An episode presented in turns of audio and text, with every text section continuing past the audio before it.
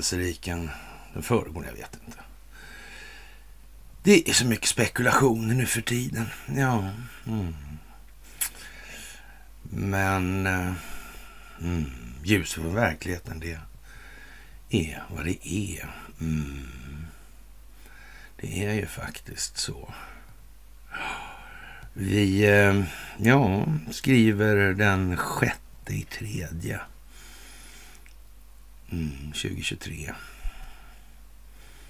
Mm. Speciellt faktiskt. Sådär.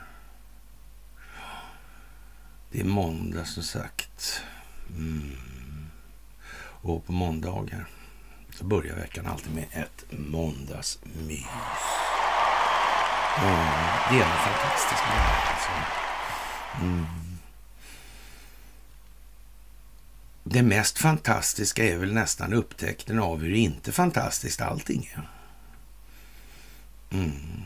Man kunde ju aldrig riktigt tro att det ska behöva vara ja, så övertydligt.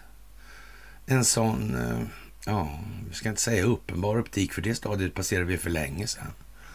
Ja, nej, det är något annat det här alltså. Mm. Det är något... Ja, tvångstankar, vanföreställningar. Mm. Hjärntvätten har varit intensiv. Språkvården har inte åsidosatts för maktens vidkommande. Nej. Eller från maktens sida, skulle jag kanske säga. Ja. Det är fantastiskt. Och många saker är som faller samman också. Ja. Bortom horisonten ser vi de svarta molnen torna upp sig. Mm. Hotet om krig. Varför blir det krig, som sagt?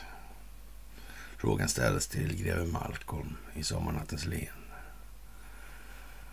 Mm. Varför skulle det bli krig, svarar han. Ja, säger advokaten Egerman. Varför skulle det det? Varför skulle det bli krig? Mm. Ja. Ja, det finns inga soldater mer. Jag undrar, ja. Mm. Ja, den svenska militären står ju naturligtvis inför någon form av omvälvning, så är det noga. Ja. Precis som det svenska rättsväsendet på något vis ändå måste finnas kvar i en eh, tillräcklig omfattning. Det måste militären också göra. Mm. Så är det även eh, den polisiära delen. Mm. Men där tycks både ledarskapsutvecklare och polisforskare eh, ja, ha svårt att se hur vägen framåt ska se ut. Tycks sitta i väggarna där. Mm. Mm, konstigt det där. Kåranda, tystnadskultur. Mm, märkligt det där. Hur mycket poliser behövs det då? Mm. Hur mycket brott finns det som tillkommit utan benäget bistånd från den djupa staten? Mm. Vet man det? Mm. Vet man nog inte riktigt. Nej. Den djupa staten. Den där som Hultqvist pratade om. Den enda gången en svensk politiker har nämnt den djupa staten. Varför då? Mm. Alternativmedierna gillar inte heller att prata om den djupa staten. De gillar absolut inte det begreppet. De gillar inte Donald Trump, de gillar inte Vladimir Putin, de gillar inte Xi Jinping och de gillar, gillar framför... Alltså Putin och Trump är nog värst Ja, det är de nog. Sen kommer Recep Tayyip Erdogan, men han är å andra sidan, han sitter ju lite på det där med NATO-medlemskapet, så kan inte säga det så mycket heller längre. Men Ja.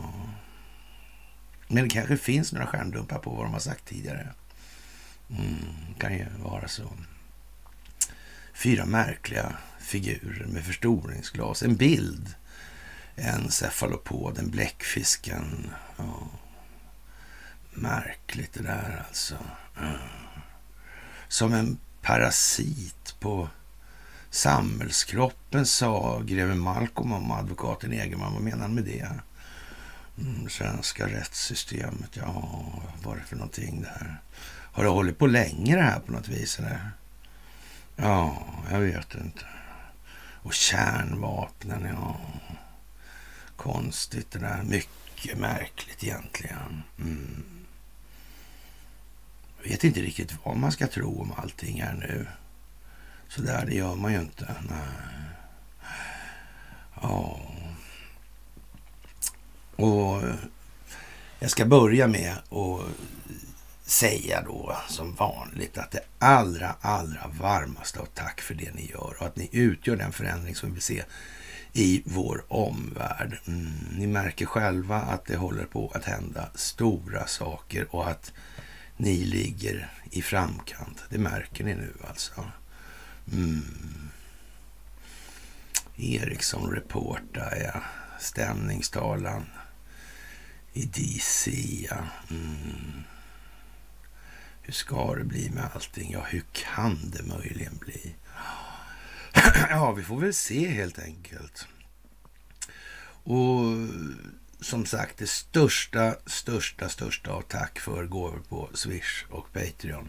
Och tack för att ni fördjupar er på karlnorberg.se och som vanligt hakar på Telegramtjänsten. Och eh, Wonderpods då. Mm, de gör vad de ska minsann, ja. Mm. Bra Martin och Cornelia. Mm, bra. Mm.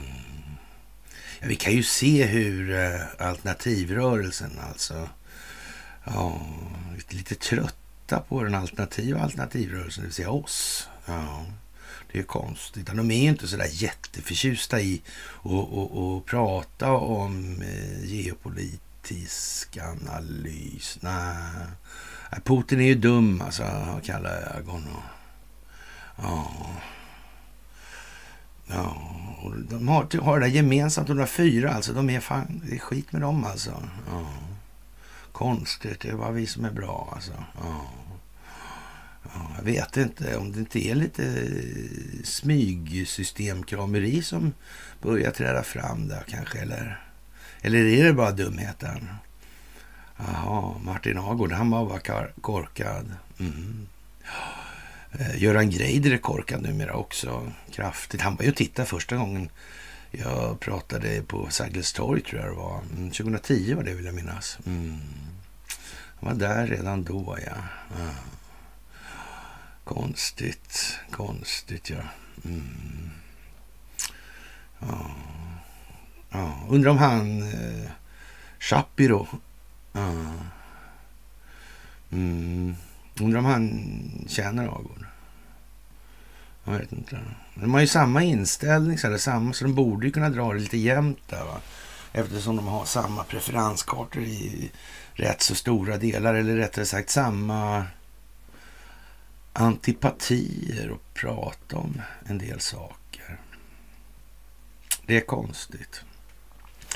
Och det här börjar folk tröttna på. Herr Hagström har, har, definitivt tröttnat på det här och ställer sig frågan då i de här tiderna med allt snack om vilka som är eller inte är kontrollerad opposition så erbjuder jag några frågeställningar man kan fundera över och varför somliga väljer att adressera dessa frågor och andra inte. Alltså.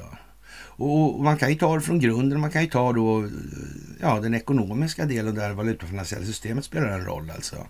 Ja, skuldmättnaden då, stagflationen och de här grejerna. Det är sjukt tråkigt enligt många. Alltså, men det är ändå helt centralt med tanke på hur ekonomin styr över nästan allting i den här världen. Och hur skapas pengar egentligen? Vad är pengar? för någonting då? Och, och, vad innebär en ökad kostnad i form av ränta för pengarnas existens? Va, varför ökar hela världens skulder exponentiellt numera också? Och vilka äger egentligen det här, de här skulderna som tillgångar betraktade. Alltså.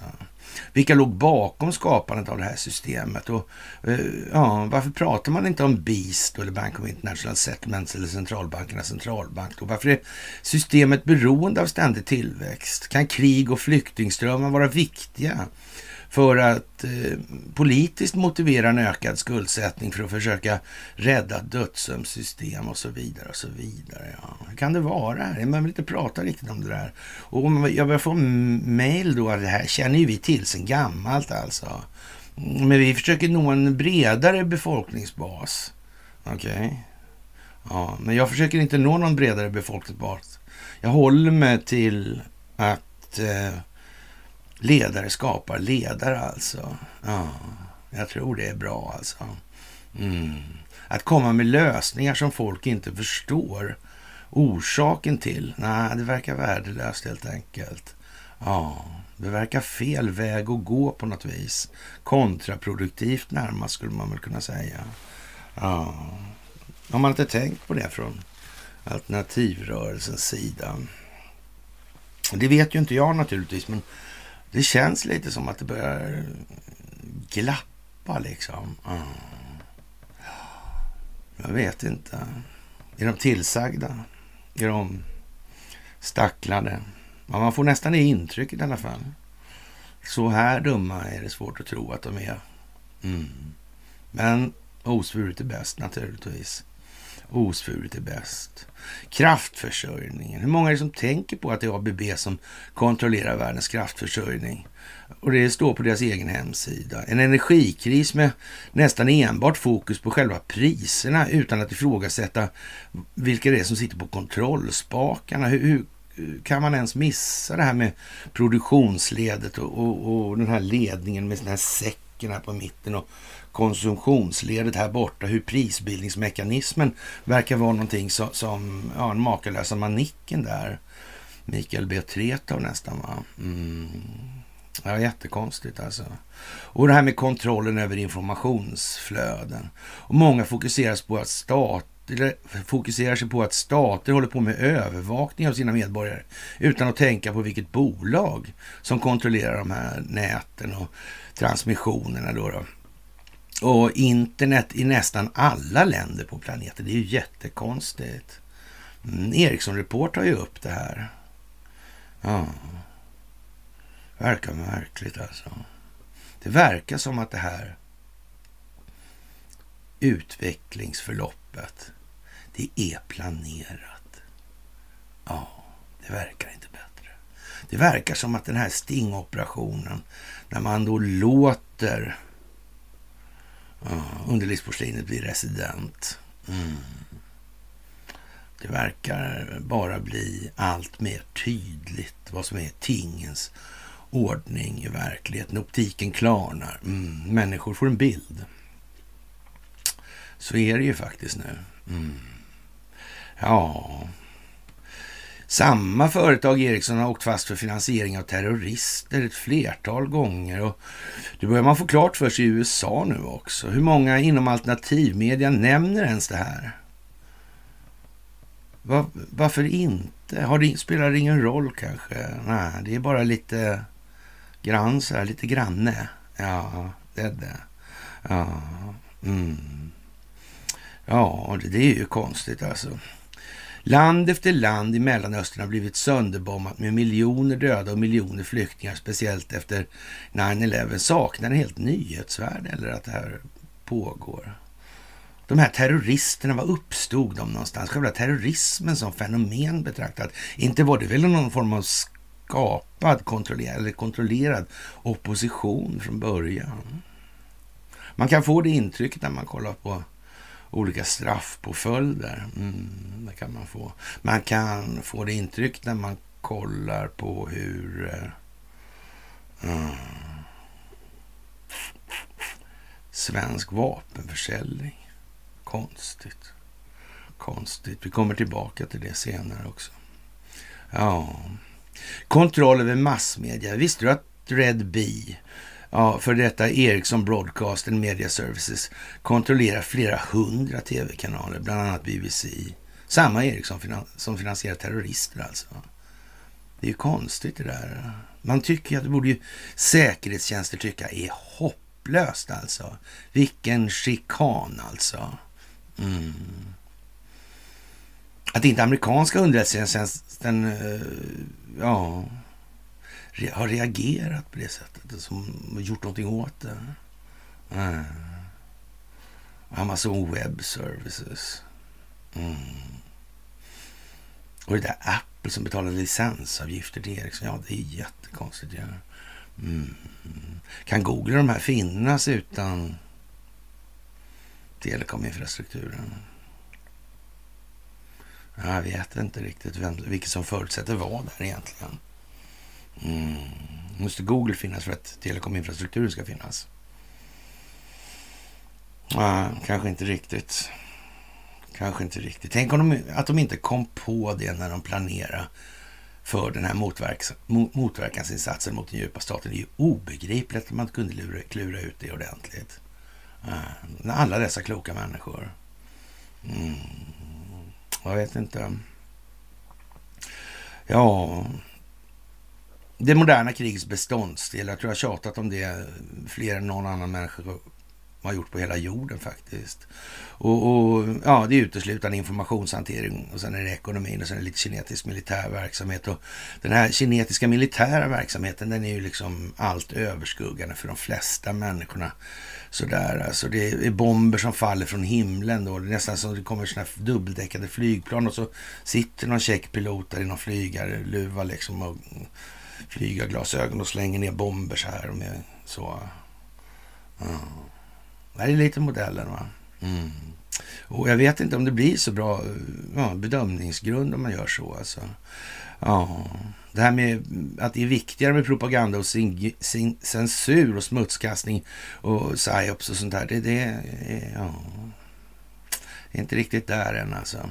Och genom sanktioner kan man ibland orsaka mer lidande än med fysiska bomber. När vi tittar på tv och ser stridsvagnar, flygplan, raketgevär och så vidare så är det här främst till för att väcka känslor hos människor. Skapa bilder alltså.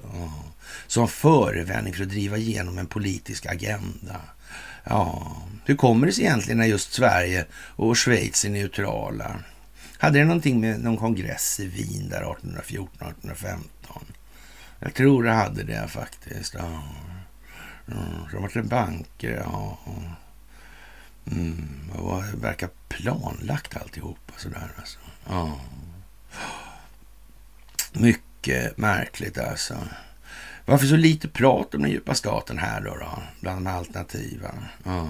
Vad är det för något egentligen? Handlar det om länder eller globalistiska företagskrafter som helt struntar i sin egen befolkning? Eller har de ett inslag av stillsam patriotism kanske som vägledning för sitt agerande i tillvaron? Ja. Det är därför de mutar Isis. Det här känner de ju själva, så det blir ju liksom oomkullrunkeligt i och med det. Mm. Ja, jag vet inte. Jobbar de svenska globalisterna då för den svenska befolkningen eller sin egen plånbok? Kan man fråga sig. Om man frågar eh, Jimmy Åkesson så måste ju det utgöra anledningen till att Sverigedemokraterna aldrig kritiserar det här. Mm. Det är konstigt. Investorkritik, är det liksom ett signum? Mm. Jag såg att Lotta Gröning var i farten här igen. Ja. Mm. Ja, vi hade ju mycket att göra med varandra för ja, ja tio, vi kan säga, säga 10-15 år sedan. Men, ja, sådär. Mm. Det där var ju lite undligt. Mm. Han blev hotad och de var utsatt för starka påtryckningar. De måste ta bort mig som vän på Facebook. ja, ja. Jag har ingen ryggrad på den inte. Vek sig som en blyg vårviol skulle man väl kunna säga. Ah, ah, ah, Det handlade om att jag blev stämplad som antisemit eftersom jag anförde att eh, historien måste kunna ifrågasättas. Alltså. historiebeskrivningen måste alltid kunna ifrågasättas. Ja. Vi måste sträva efter att få en bättre bild av vad som har. Vi kan inte riskera att enskilda intressen har haft fingrarna på pennan mm. i författandet av vår historia. Nej, det går inte. Då skreks det i högan sky. Förintelse förnekare. ja ja, då tar vi det begreppet också då på en gång. Ja. Ja. Antisemiter är de inte så pigg på längre. De inte har den här diskussionen om vad semitismen är för någonting och vad, vad är det där för någonting egentligen? Ja, vad börjar en semit och vad slutar den? Och kan man vara semit utan att prata uh, semitiska språk? Jag vet inte. Sådär. Mm. Hur mycket av ett sånt så språk måste man då kunna för att vara semit? Då? Och vad är semitism egentligen? Uh. Ja, det där verkar vara någonting som... De hade i alla fall ingen, vad ska vi säga, Erik Velander att tillgå i det här. Nej, det hade de inte. Det, var, det blev konstigt alltihopa. Ja, men det kommer nu alltså. Det kommer.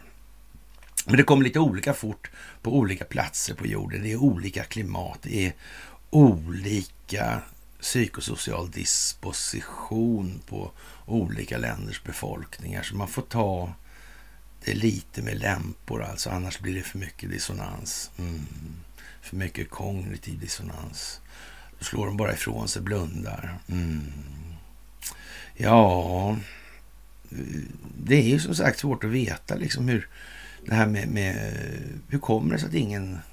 Varför hörs det ingen kritik mot? Vad kan det bero på? Det enkla svaret är naturligtvis att eh, man inte får, om man accepterar det alltså. Från politiskt håll. Men annars kan man säga så här nu också att Ja, att man inte ens fattar bollen nu då, då. Eller försöker ta bollen nu. Eller skaffa sig ett problemformuleringsinitiativ. Men problemet är ju det här långa vakuumet som har varit fram till nu. Ja, det är inte så lätt att hantera det resonemangsmässigt. Mm. Vad är grunderna till det egentligen? Mm. Man är inte villig att ta något stryk alls alltså. Man är inte villig att stå upp för någonting när det bär emot. Det är bara nedförsbacke man vill ha med. Oj, mm. vilka hjältar. det kan man väl kanske inte säga. Nej. Nej, det är ju inte så. Så mycket hjälteskap tror jag inte det är tal om. Men man kan göra fel där förstås.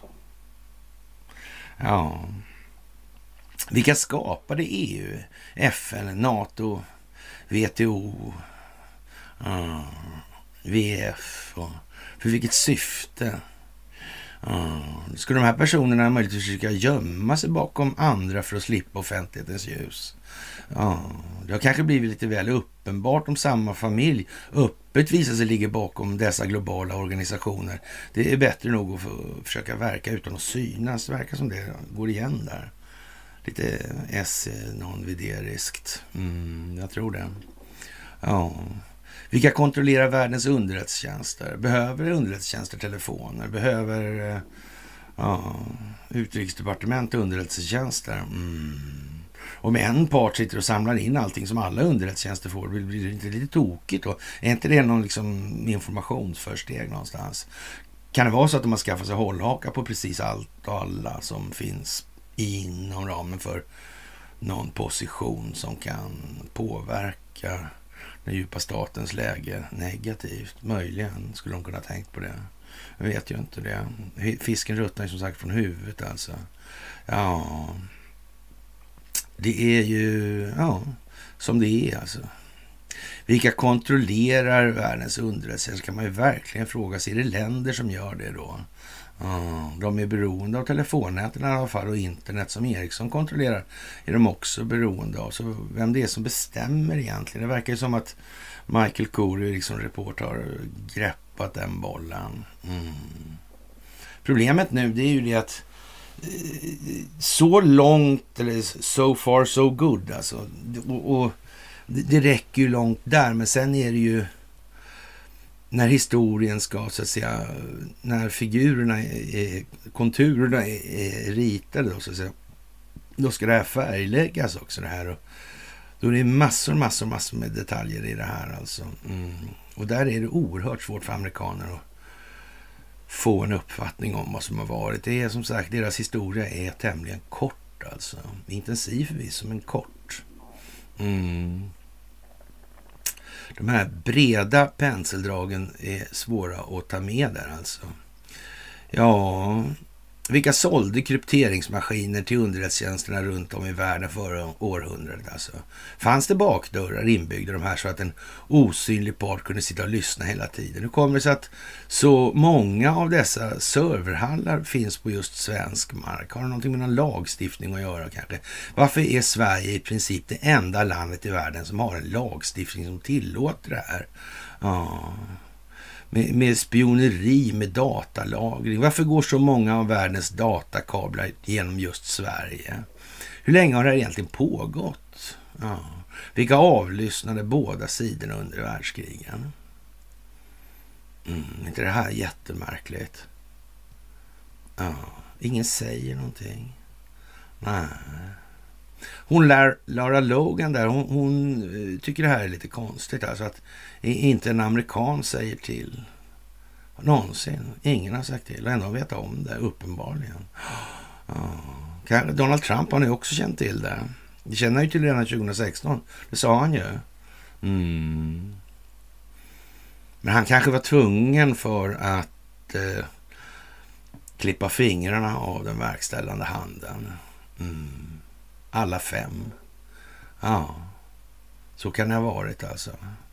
Man hade aldrig fått tillräckligt mycket av eller fått bort tillräckligt mycket av korruptionen om man hade agerat rakt av. För om bara inte om med korkade det hade varit att nacka Hillary Clinton på Gitmo. Men jag tror jag har gnällt klart på det. Det är lite intellektuellt dött nu. Att hålla på och tjattra om det fortfarande, det måste jag nog säga. Mm. Mm. Ja. Eh, ja. Apropå världskrig då, vilka finansierar både Hitler och Lenin egentligen? Var, varifrån fick nazisterna sin ideologi? Eh, fanns det inte ett rasbiologiskt institut i Uppsala eh, ja, en bra stund innan Hitler kom till makten i alla fall? Mm. Vilka var huvudägare i IG Farben? Statsoffentliga utredningen 99,20 tillräckligt mycket aktier i värde för att köpa Warburgbanken. Vad konstigt. Mm, Warburg, där var det. Eh, Warburg Pinkus numera också sådär. Mm, det har då Ericsson Report tagit fasta på. Men då har inte han en aning om att det fanns Warburg i Sverige. Någon Eriksson skapade Nobelbiblioteket till exempel. Och, ja, det satt ju en Warburg i riksdagen också samtidigt som de andra Gökarna fyras gäng där då. Mm. Just det, gjorde ju det ja. Mm. Lindman och sånt där ja. Mm, just det. Mm. Ja, mycket speciellt där. Gustav Oskar var på resande fot ja. Mm. Det var ju så alltså. Ja.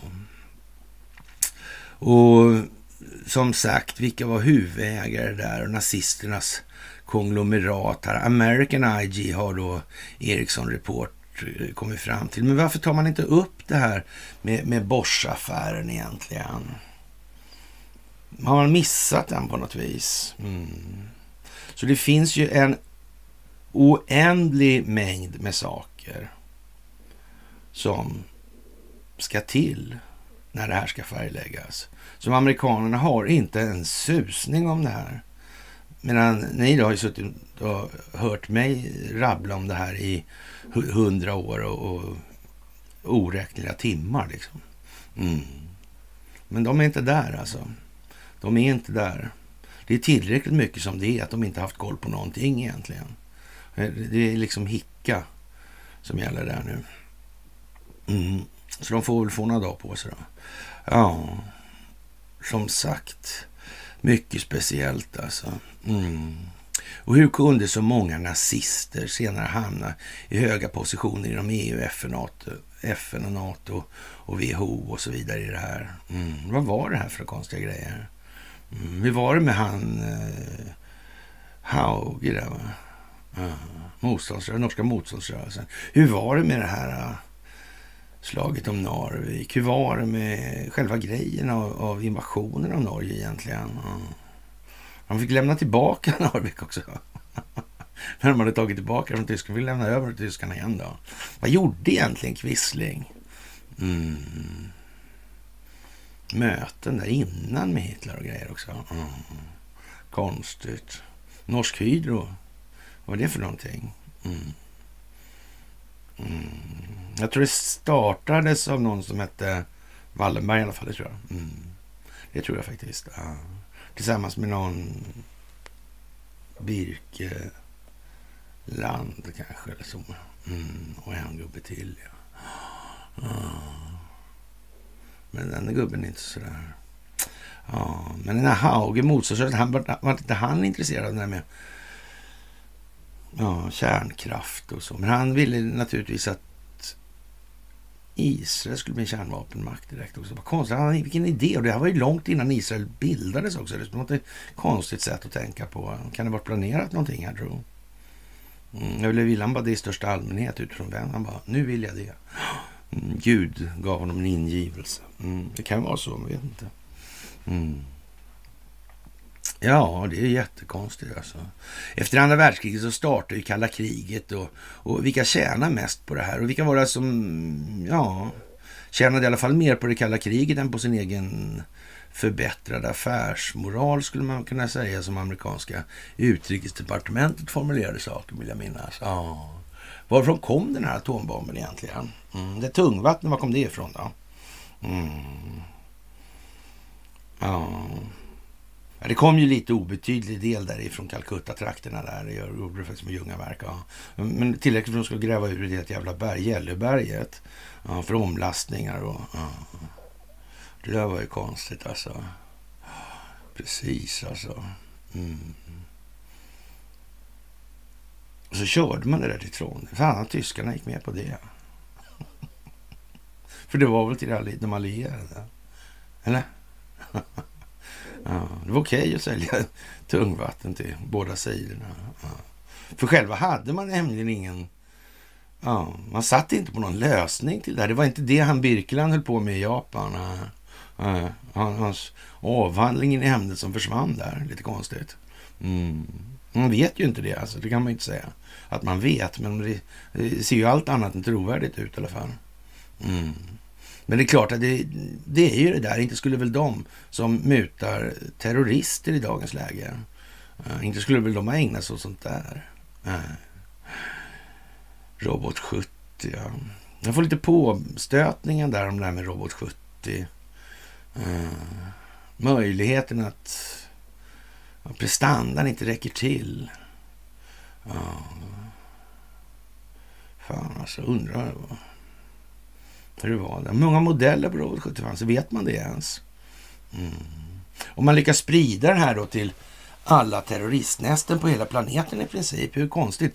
Det verkar ju ha varit som en slags eh, marknadsidé nästan. Mm. Vi måste ju vara det enda landet, men vi är ju faktiskt världssamvete. Så det är klart att vi deklarerar ju våra prestanda helt och fullt. Och vi har inga extra modeller och såna här grejer som behövs för att skapa dramatik i händelse av att man inte längre kan verka utan att synas. Såklart inte alltså. Mm. Mm. ja, vi kommer tillbaka till det där, för det är svårt att komma undan nu. Man kommer inte runt Engström helt enkelt. Det är ju bara så. Ja. Vad, det här kriget i Ukraina nu alltså. Ja, det är underligt, alltså. Atombomber. Ja. Hur farlig är den här strålningen? Vet man det? Den är i alla fall inte lika farlig ombord på ubåtar och atomdrivna ytfartyg. Det är uppenbart. Mm. Det är uppenbart. Blir det några restprodukter? Mm. Det sägs att det ska finnas något kvicksilverartat inblandat i det här. Jag vet inte exakt. Det sägs ju det alltså. Mm. Inte har man slängt massor med kvicksilver någonstans?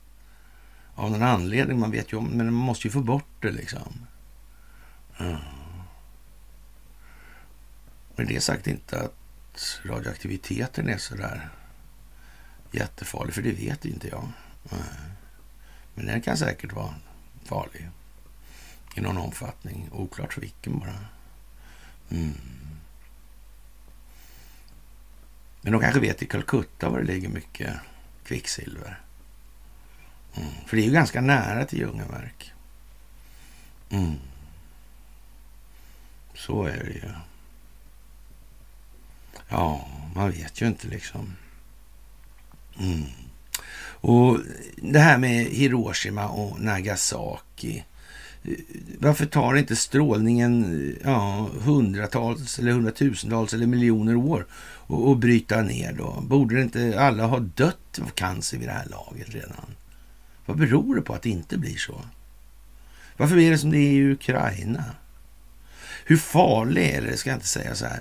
Hur rädd hade jordens befolkning varit för ett kärnvapenkrig om inte medierna hade skött sin uppgift med att opinionsbilda för att befolkningen skulle bli rädd. Om de här medierna i, i samma andetag i princip då mm, pratar om agendasättande journalistik och att ja, ägardirektiv och hej och hå. Mm. Vad kan det här ens vara? Vad kan det här ens vara? Det får man faktiskt nästan fråga sig i det här läget. Och ja, och kriget i Ukraina då, ja. Har Ryssland förklarat krig då mot Ukraina och vice versa officiellt? Är det krigsförklaringar? Finns det sådana? Varför finns det inte sådana då? Om internationell rätt ska gälla så måste ju det liksom vara Ja. Det minsta man kan begära det är väl att Ukraina förklarar krig mot Ryssland som angripare. Eller? Varför är det inte så för? Det där är väl konstigt. Ja. Vad finns den här krigsförklaringen i så fall? Varför pratar Putin om att avnazifiera Ukraina? Vad menar han egentligen? Var det nazisterna eller Tyskland som förlorade kriget? Mm. Är det reguljära förband eller legosoldater som krigar för Ukraina och Ryssland? Mm. Ja, det vet man ju inte riktigt. Alltså, det bara verkar som det finns legoknektar i alla fall. Ja, vilka finansierar och beväpnar de här legoknektarna? Och varför är det så tyst om familjen Biden och övriga politiska kopplingar till Ukraina? Finns det några svenska kopplingar till Ukraina? Mm. Finns det banker i Ukraina kanske? Har Swedbank funnits i Ukraina? Har Swedbank åkt dit för penningtvätt? Vilka var det som avslöjade de här penningtvätthistorierna? Varför, varför var det Bill Browder som anmälde Swedbank där? Då? Mm. Finns det inte även en massa biovapenlabb i Ukraina mm, med kopplingar till bland annat Pentagon? Mm. Får biovapenlabb ens existera enligt FNs konvention mot biovapen? Vilka tjänar på det här då? då? Mm. Vad har de för teknologi? Vem sitter på immaterialrättsliga tillgångarna till det där? Mm. Måste man ha sånt när man framställer vax? Mm. Konstigt. Konstigt, konstigt, konstigt. Mm. Vän av ordning kan ju tycka att någon form av oberoende granskande myndighet borde titta och analysera. Vad är det här för någon jävla soppa de kommer med nu? Ja, hur har de fått fram det här egentligen? Och, och framförallt så borde ju då bolaget som sitter på de här materialrättsliga tillgångarna Eh, protestera högljutt om de inte har fått väldigt mycket betalt. Mm. Har vi hört något om det? Varför inte? Ja, jag vet inte, men det finns säkert goda anledningar till det. Ja.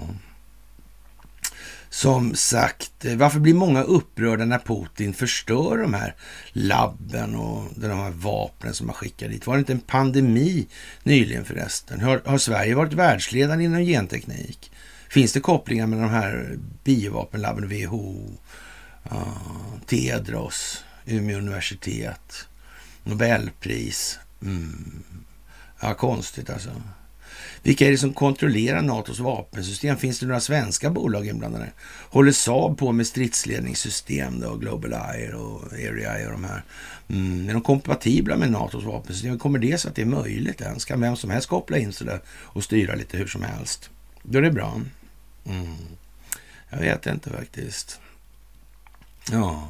Varför håller ett neutralt land som Sverige på med så mycket vapentillverkning? Har Sverige exporterat en massa vapen till diktaturer? Vad var Boforsaffären? Varför drog nästan alla som kunde vittna mot Bofors? Dog alltså under mystiska omständigheter. Kände Olof Palme till någonting om det här? Mm. Det är ju konstigt. Och det är ännu värre om man börjar titta i de här frågorna med Telub-affären och Lockerby. Mm. Ubåtshistorierna som gick där från början av 80-talet. Ja. Om man tittar vilka som hamnade i KU-förhör. Ja.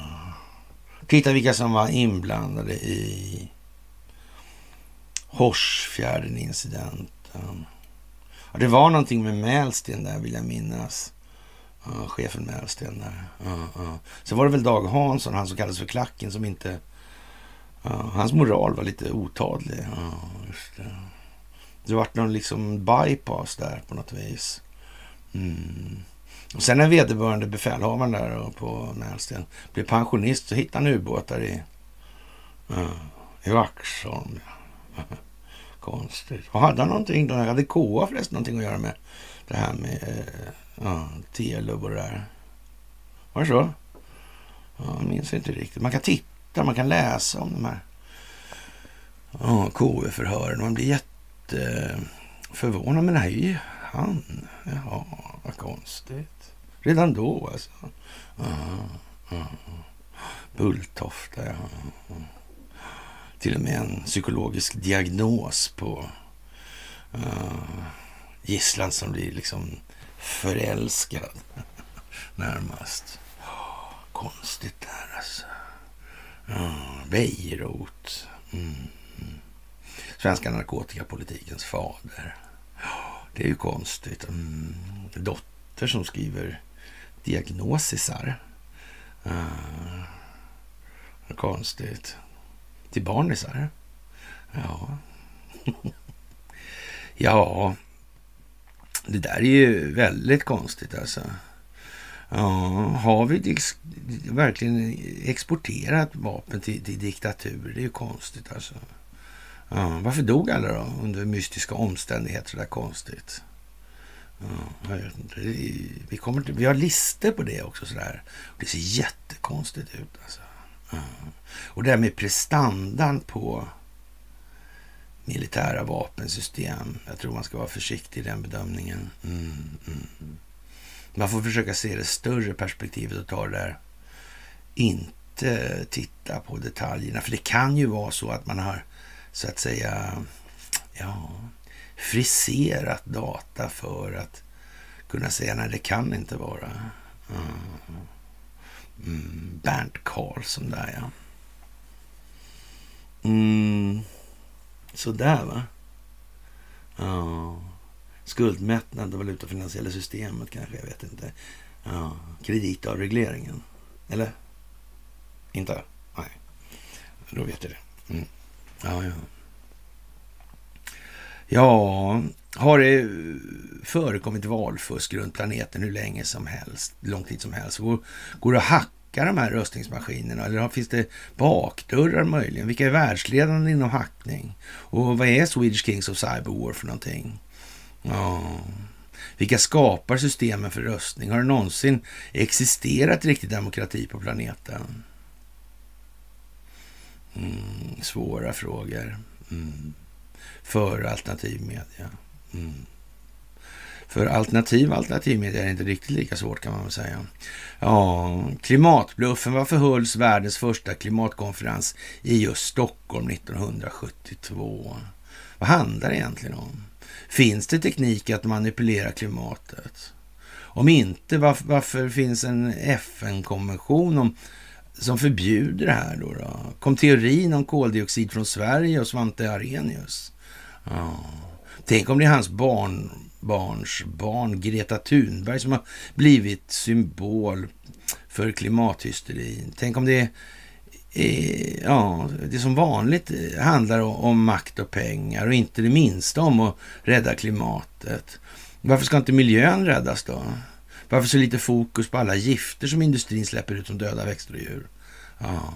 Varför pratas det ingenting om vikten av att kontrollera över världens, kontrollen över världens naturresurser alltså, och strategiska förträngningar? Det har varit helt nödvändigt under världshistorien. Saknar det betydelse idag kanske? Ja, det måste ju vara, förmodligen vara så eftersom ingen pratar om det. Eh, ja, allra minst alternativmedia. Mm. Nej, de vill ju enas istället. Frågan är om det finns någonting att enas över. Mm. Ja, det ligger ingen stor fördel i att vara osams kan man möjligtvis säga sådär, men ja, enas om det. Det det är ju inte mycket att enas kring. Nej, ja, Ryssland och de här naturresurserna, det har ju varit en, eh, ja, som en röd flagga på tapeten hela tiden. Alltså. Världens största land, otroligt rikt på naturresurser, inte minst olja och gas. Men det skulle väl eh, inte andra vilja lägga vantarna på med en massa dåliga ursäkter, eller? Uh, speciellt inte oskyldiga svenskar. Då. Till och med namnet Ryssland kommer från Sverige. Ja, och de vikingar som reste österut för att ta över landets tillgångar. Dessa vikingar kallas för ruser och, och bildade bosättningar i dagens Ryssland och Ukraina. Det var väl rusen Rurik sägs det ju då som grundade Kievriket där och var stamfader till den första ett som styrde Ryssland fram till 1598 alltså. Mm. Men hur som helst behöver man nog reda ut det där lite grann alltså. Rågångarna borde vara klara, kan man tycka. Alltså. Och Kina har ju då, som Ryssland, lidit under den här svenska inblandningen i andra länders inre angelägenheter rätt så rejält. Alltså Kina har, som tidigare var ett kejsardöme, blev under första halvan av 1800-talet helt förkrossat av den opiumhandel som som förstörde kejsardömet inifrån. Tiotals miljoner kineser blev beroende av Ostindiska handelskompaniets narkotika. Trots att kriget utkämpades mellan britter och kineser, britterna vann såklart, och, och sen skrev Sverige opiumavtal kan man väl lägga till det också, ja, eh, så var det den svenska kungens sändebud som skulle vara med och skriva på alltså, ja, handelsavtalen efteråt. Så vem var det egentligen som bestämde? Mm. Inte många år efteråt så var det också svenskar med i bilden för att driva igenom politiska agendor för ytterligare destabilisering av landet. Resultatet tiotals miljoner döda kineser. Och då hade, ja, har vi inte ens börjat tala om vilka som låg bakom kommunismen i Kina. Mm. Sammanlagt lär över hundra miljoner kineser ha dött på grund av ett fåtal svenskar. Mm. I alla fall svenska intressen. Då. Mm. Ja, de är ju, säger ju 200 år kineserna, så ja, visst. Svensk slavhandel där. Mm. Det är Oxenstierna. Mm. Konstigt alltså. Barnhandel. Sverige har även varit inblandat i människohandel och dessutom en ö, hade dessutom en ö i Karibiska havet, Sankt Bartolomé, som användes som slavbörs. Ja, barnhandel med Kristersson. Adoptionscentrum. Mm, verkar sitta i alltså. Det verkar liksom som att det är en exponeringsiver någonstans i det här. Man vill liksom göra klart att ja, det har varit dåligt länge alltså. Och det svenska folket, de tuggar och tuggar och tuggar. Mm.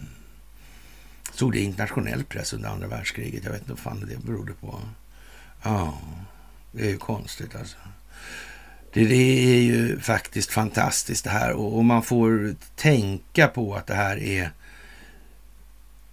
viktigt att strunta i allt det här och prata om något trevligt istället. Alltså vara kompisar och, och uh, hålla ihop liksom. Mm. Det är omöjligt att begripa allt det där alltså. Konstigt alltså.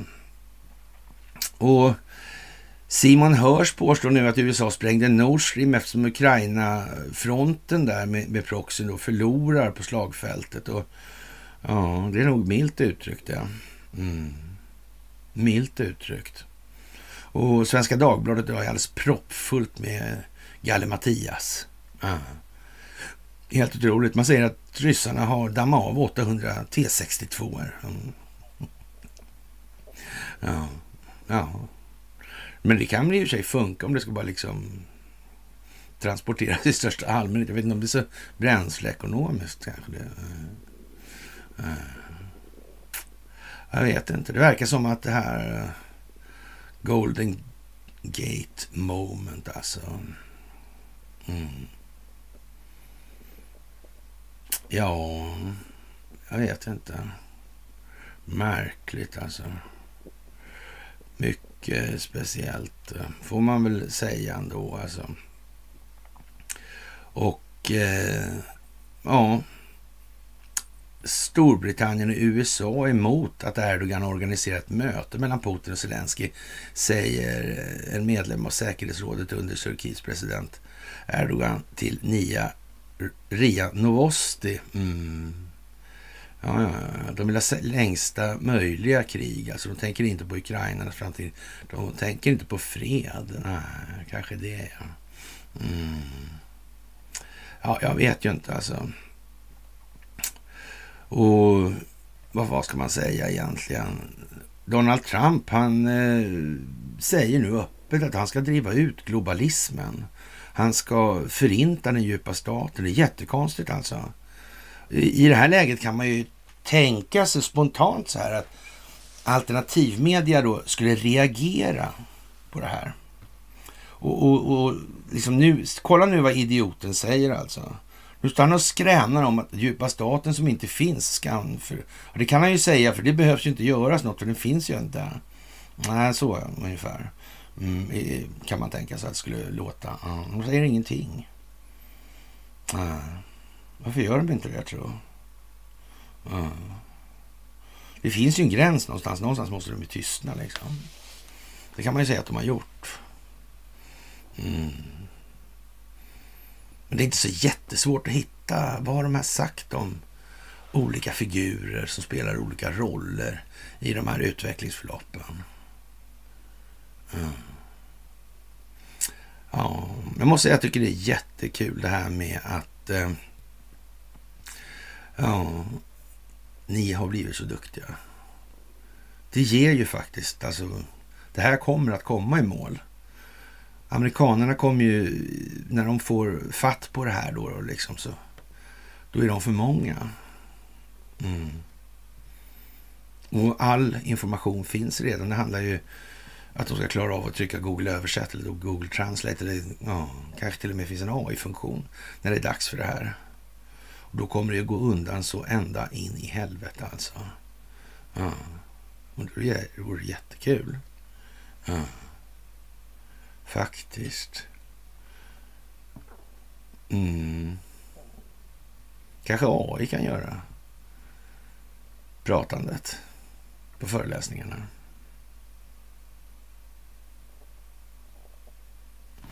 Ja, man vet ju aldrig sådär alltså. Ja, Eh, även innan jag går in i, i Rovala eller blir, ja, blir president igen kommer jag att lösa kriget mellan Ryssland och Ukraina, sa Trump. Alltså till och det kommer inte att ta en dag alltså. Det där är ju märkligt alltså. Mm. Xi Jinping kommer att hjälpa till också. Mm. Mm. Och Putin, ja. Mm. Ja, det är svårt att se det här. Det är klart att eh, vi utgör ju någon otre, sällsynt otrevlig, skulle jag nog vilja påstå faktiskt. Ja, det gör vi. Det gör vi verkligen. Mm. Och tänk vad länge det har hållit på. Ja. Trollen är som galna nu alltså. vet de att... Eh, oj, de var upptäckta för länge, länge, länge sedan. Long, long time ago. Mm. Ja, ja. Trevligt alltså.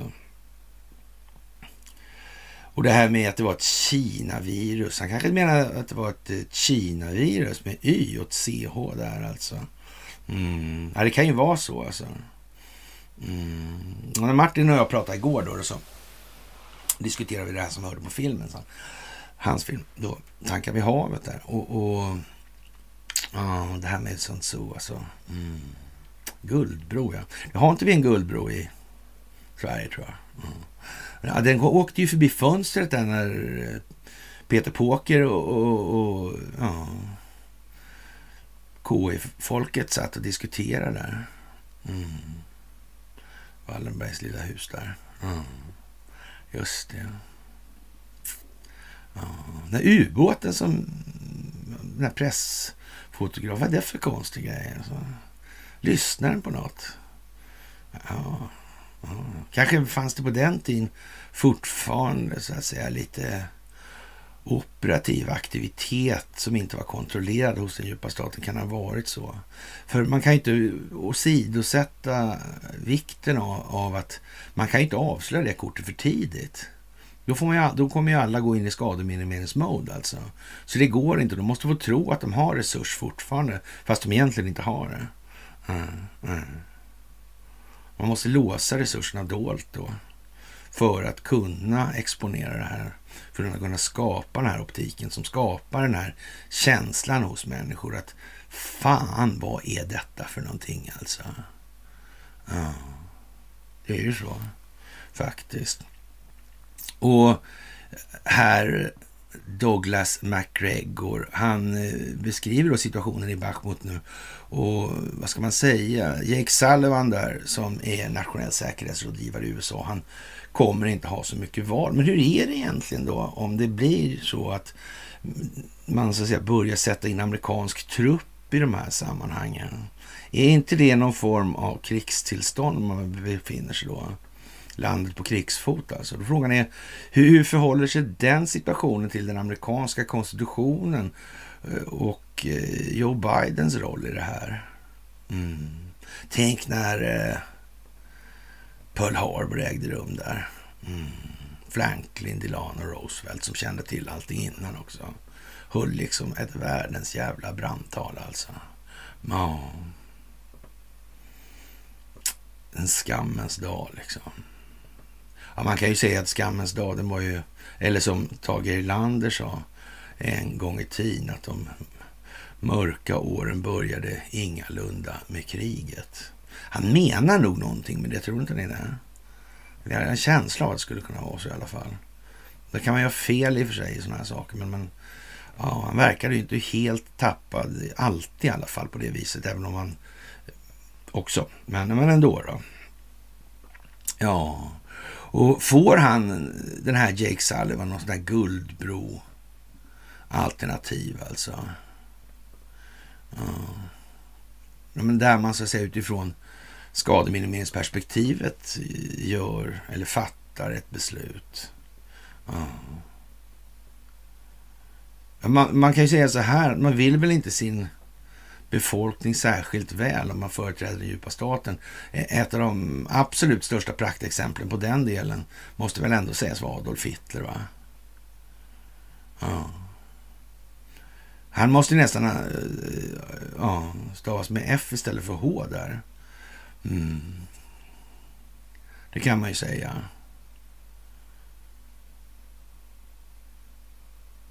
Om det ens var så, ja. Mm. Sydamerika. Vi vet inte. Det kan vi konstatera. För det var den djupa staten som drog de långa stråna i det här. Mm, det är helt säkert.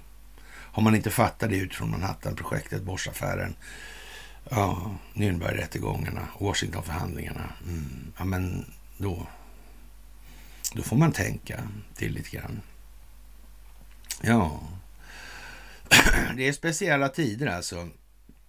Och vad ska vi säga här att... Eh, ja... Det är svenskt alltså, mycket av det här hela tiden nu. Mm. Och det händer saker samtidigt. Ja. Steve Bannon går ut och säger att man ska skära av, skära av allt stöd till Ukraina. Mm. Frågan är där egentligen, vad ska man, kommer man ha det republikanska partiet kvar ens, tro? Är det någonting att ha? Mm. Är, är, är det, gäller samma sak där i USA som det kanske gäller i Sverige? Nu vet ju inte vi. vi, vi, vi många tror ju faktiskt att Jimmy kommer kunna rädda upp det här. Och, och han vet visserligen inte så mycket om någonting i de här sammanhangen, men, men eh, bara det liksom. Ja. Man undrar ju om alla som kommenterar i de här sammanhangen är faktiskt mm, riktigt riktiga människor. Svårt att se det.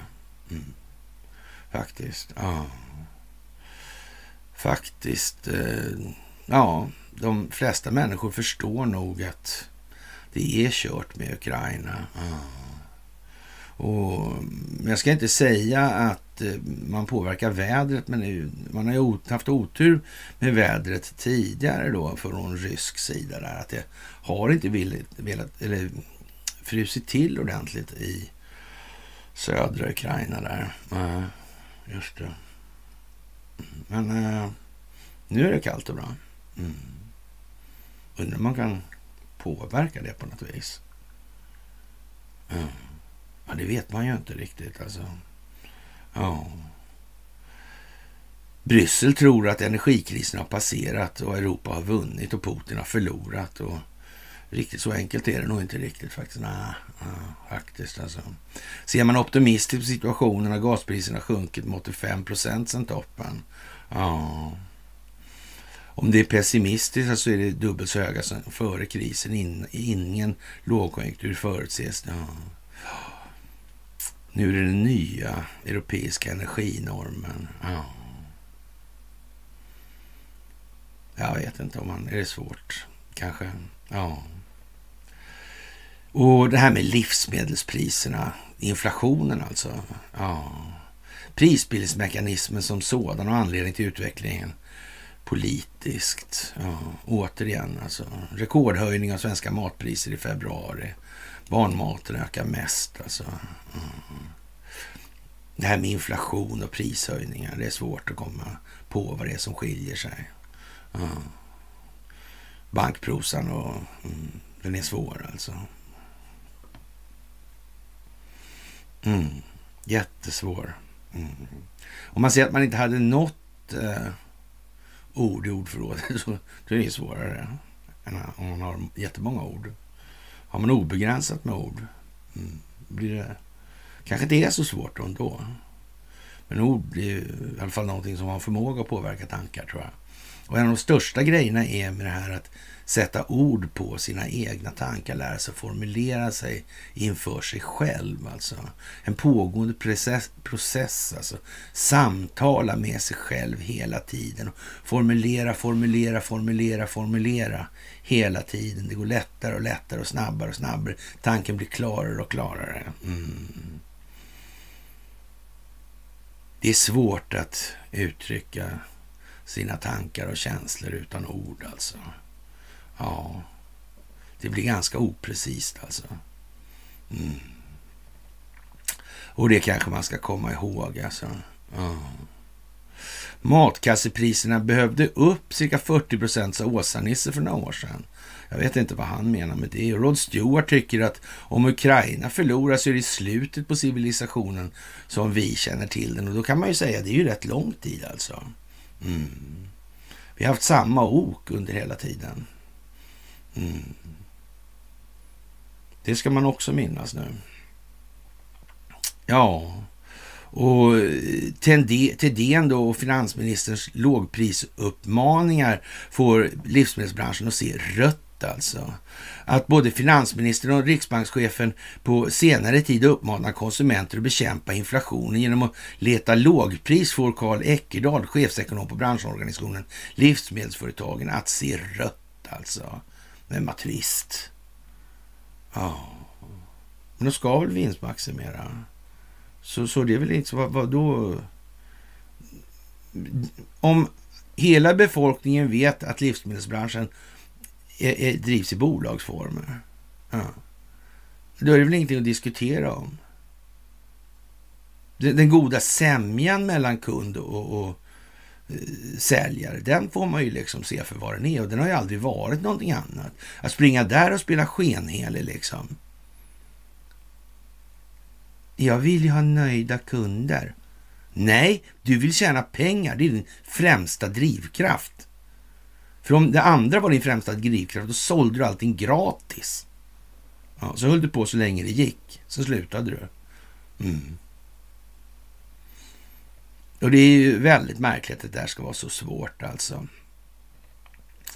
Ja, konstigt det här med, med små modulära reaktorer. Det verkar vara jättetokigt. Det verkar kunna gå fort att få fram det där nu på något vis. man ser sådana här sajter, de gamla, eller gamla, ska jag säga, gamla transformatorstationer som är renoverade skulle man kunna säga. Ser ut som någonting som, ja, väldigt märkligt. Alltså jättestort extraområde är inhägnat. Och, och det är sådana forceringssäkra grindar och det här är konstigt alltså. Mm. Men å andra sidan kan man säga så här att om de här grejerna nu var sånt som ledde till, inte kanske export, men i vart fall stora förflyttningar av energi över landet. Mm. Ja, då kanske man ska, om man ska använda energin kanske. Mm. Och inte använda de överreglerade älvarna riktigt lika mycket.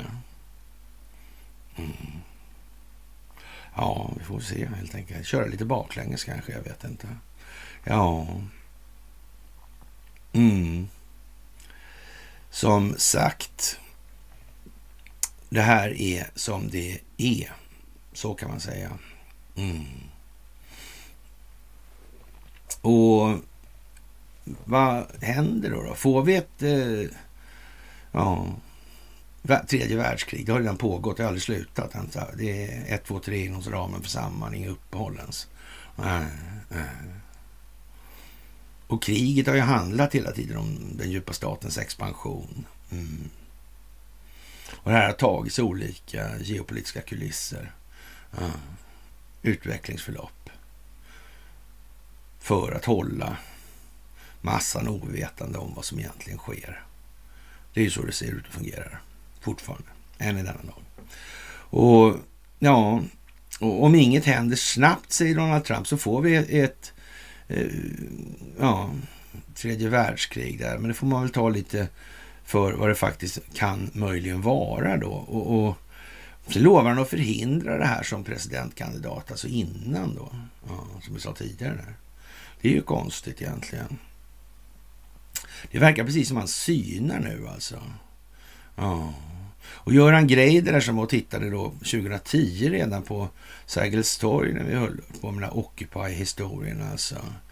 Då han ja, twittrade en bild på, på eh, Aftonbladets ledarredaktion då.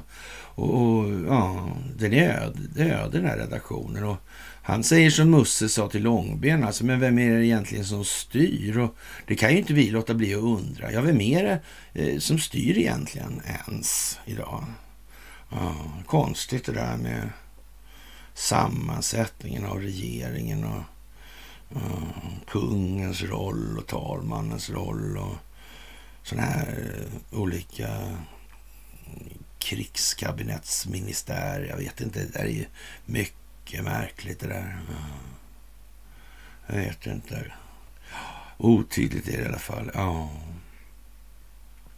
Faktiskt konstigt. Och här, nu riskerar domstolarna att politiseras och jag vet faktiskt inte om det går att göra så mycket tydligare nu. Man kan ta till exempel Högsta domstolens 16 domare bedöms benämns alltså justitieråd och utnämns av regeringen som, eh, ja, efter då ett öppet ansökningsförfarande. Jag vet inte om själva regeringen kan anses som politisk i någon mening.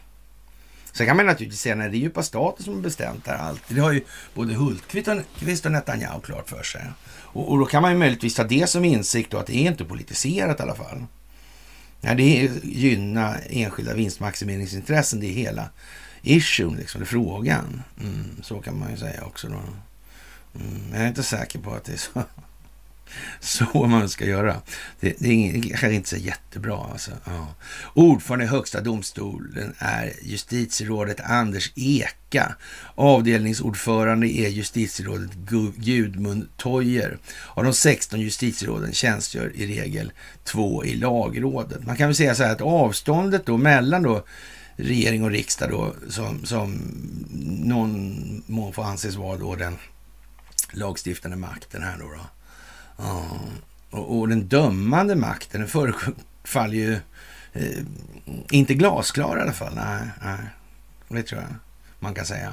Det här ansökningsförfarandet. Man kan anta att man kan avslå ansökningar också av olika skäl. Eller jag tror inte ens man behöver motivera det faktiskt. Nej, och ett tag så var det väl så att det fanns ju en sån här nämnd vill jag minnas också. Satt inte hon Tullia va? Från Sydow? Var inte hon inblandad i det där på något vis? Under väldigt lång tid. Mm. Men det var kanske lite genomskinligt det där. Uh. Ja, ja, ja. Pass alltså. Det, skulle ju... Ja. Och man säger här då att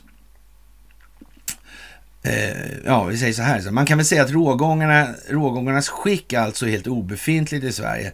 Det är faktiskt så löjeväckande att ingen egentligen kan missa att det svenska rättssystemet är ett monument över begreppet moraliskt oskick dristar jag mig till att påstå i det här. Och eh, två av nämndemännen i hovrätten tillsammans med två lagfarna domare friade den tilltalade i det uppmärksammade snippamålet under förra veckan begärde de två nämndemännen att bli entledigade från förtroendeuppdraget som nämndemän. Eh, detta skedde uppenbarligen efter att de två nämndemännen haft ett coachande samtal med en hög partiföreträdare från det politiska parti som tidigare nominerat dessa två nämndemän till förtroendeuppdraget som nämndemän i hovrätten.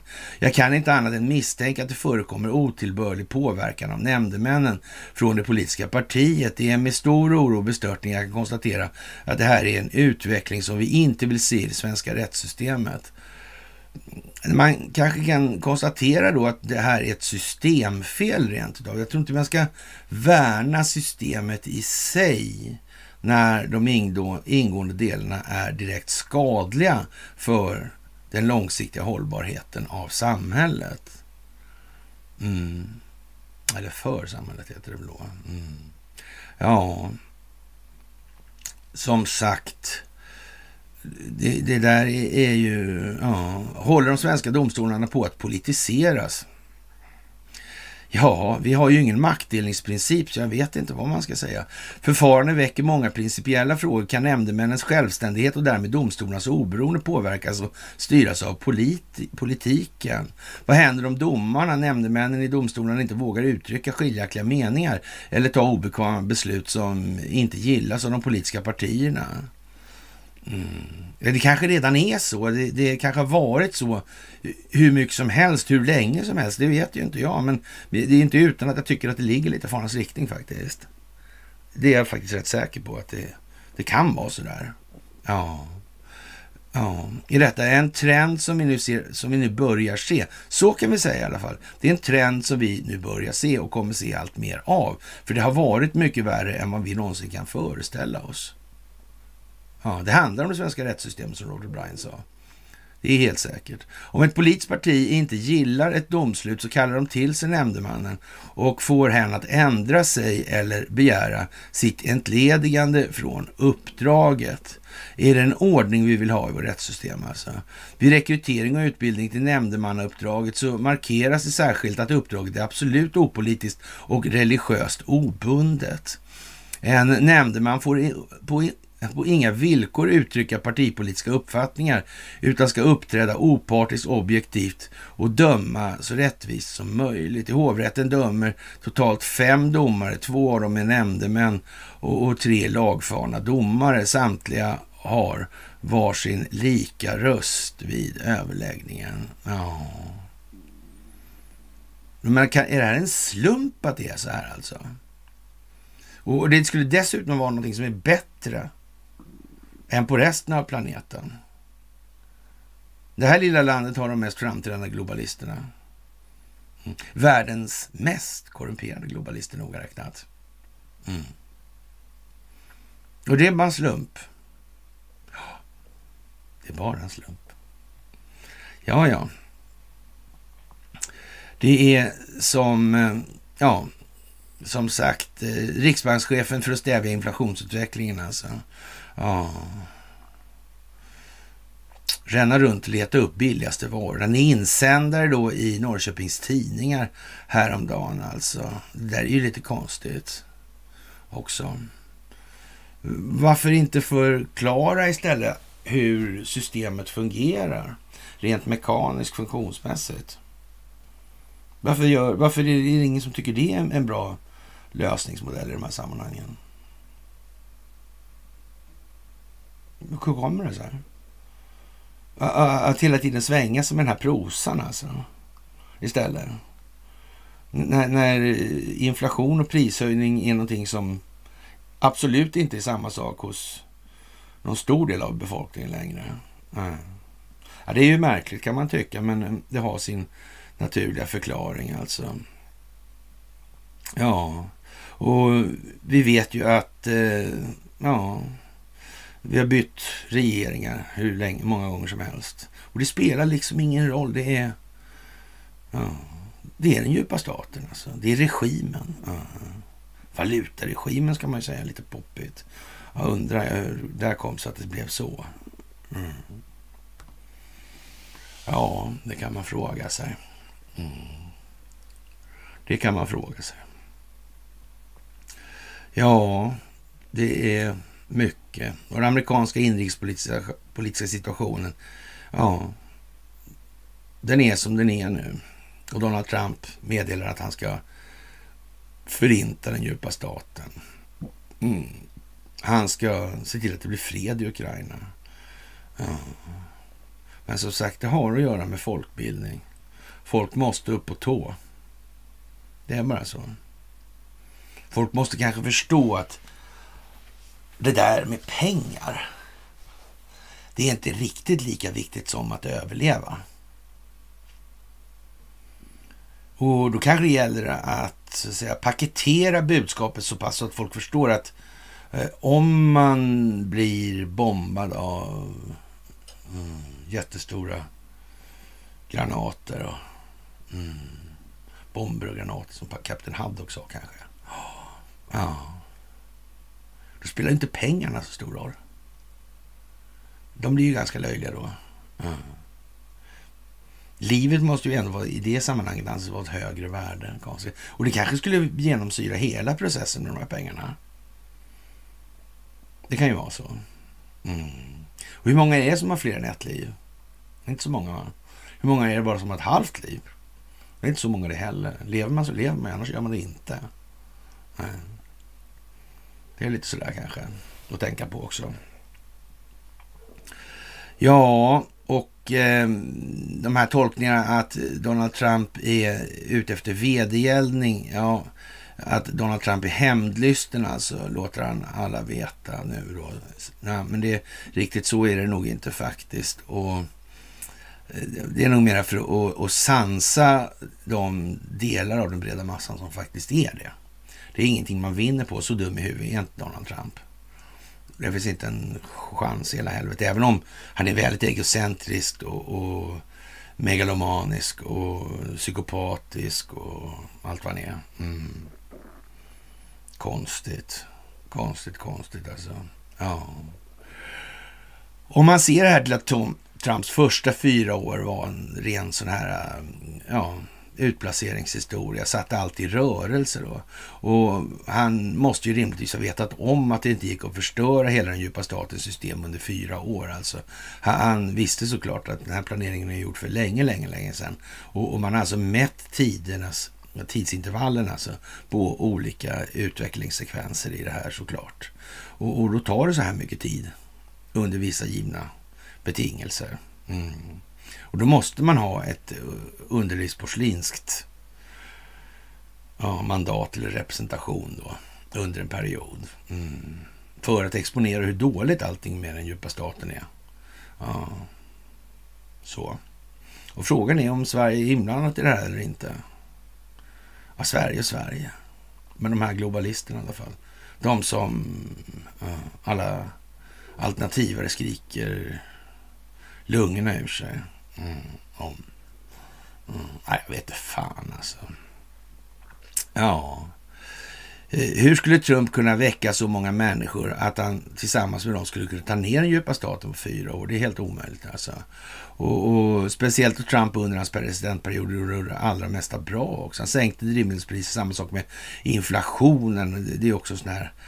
Man, man, man får liksom, det här är ur X22 då, det får man ju tänka på då, att det är så att säga amerikansk opinionsbildning i den meningen. Det är inte svensk och spetsen i Sverige som dessutom är kärnan i den djupa staten.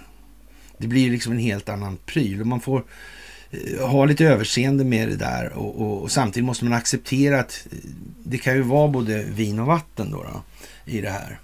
Så här i Sverige är det ju naturligtvis oerhört svårt att tro när man som alternativrörelsen låter bli att adressera de här grejerna vi rabblade upp från början. Varför pratar man inte om det här för? Det ger ju liksom ett intryck av att det finns en eh, rätt så stor aversion alltså. Beröringsskräck rent utav alltså. Och ja, om man bara ser ena sidan så att säga, då blir det inte sådär jättebra alltså. Och du måste få så hela bilden, du måste se det dåliga också, du måste uppleva det dåliga.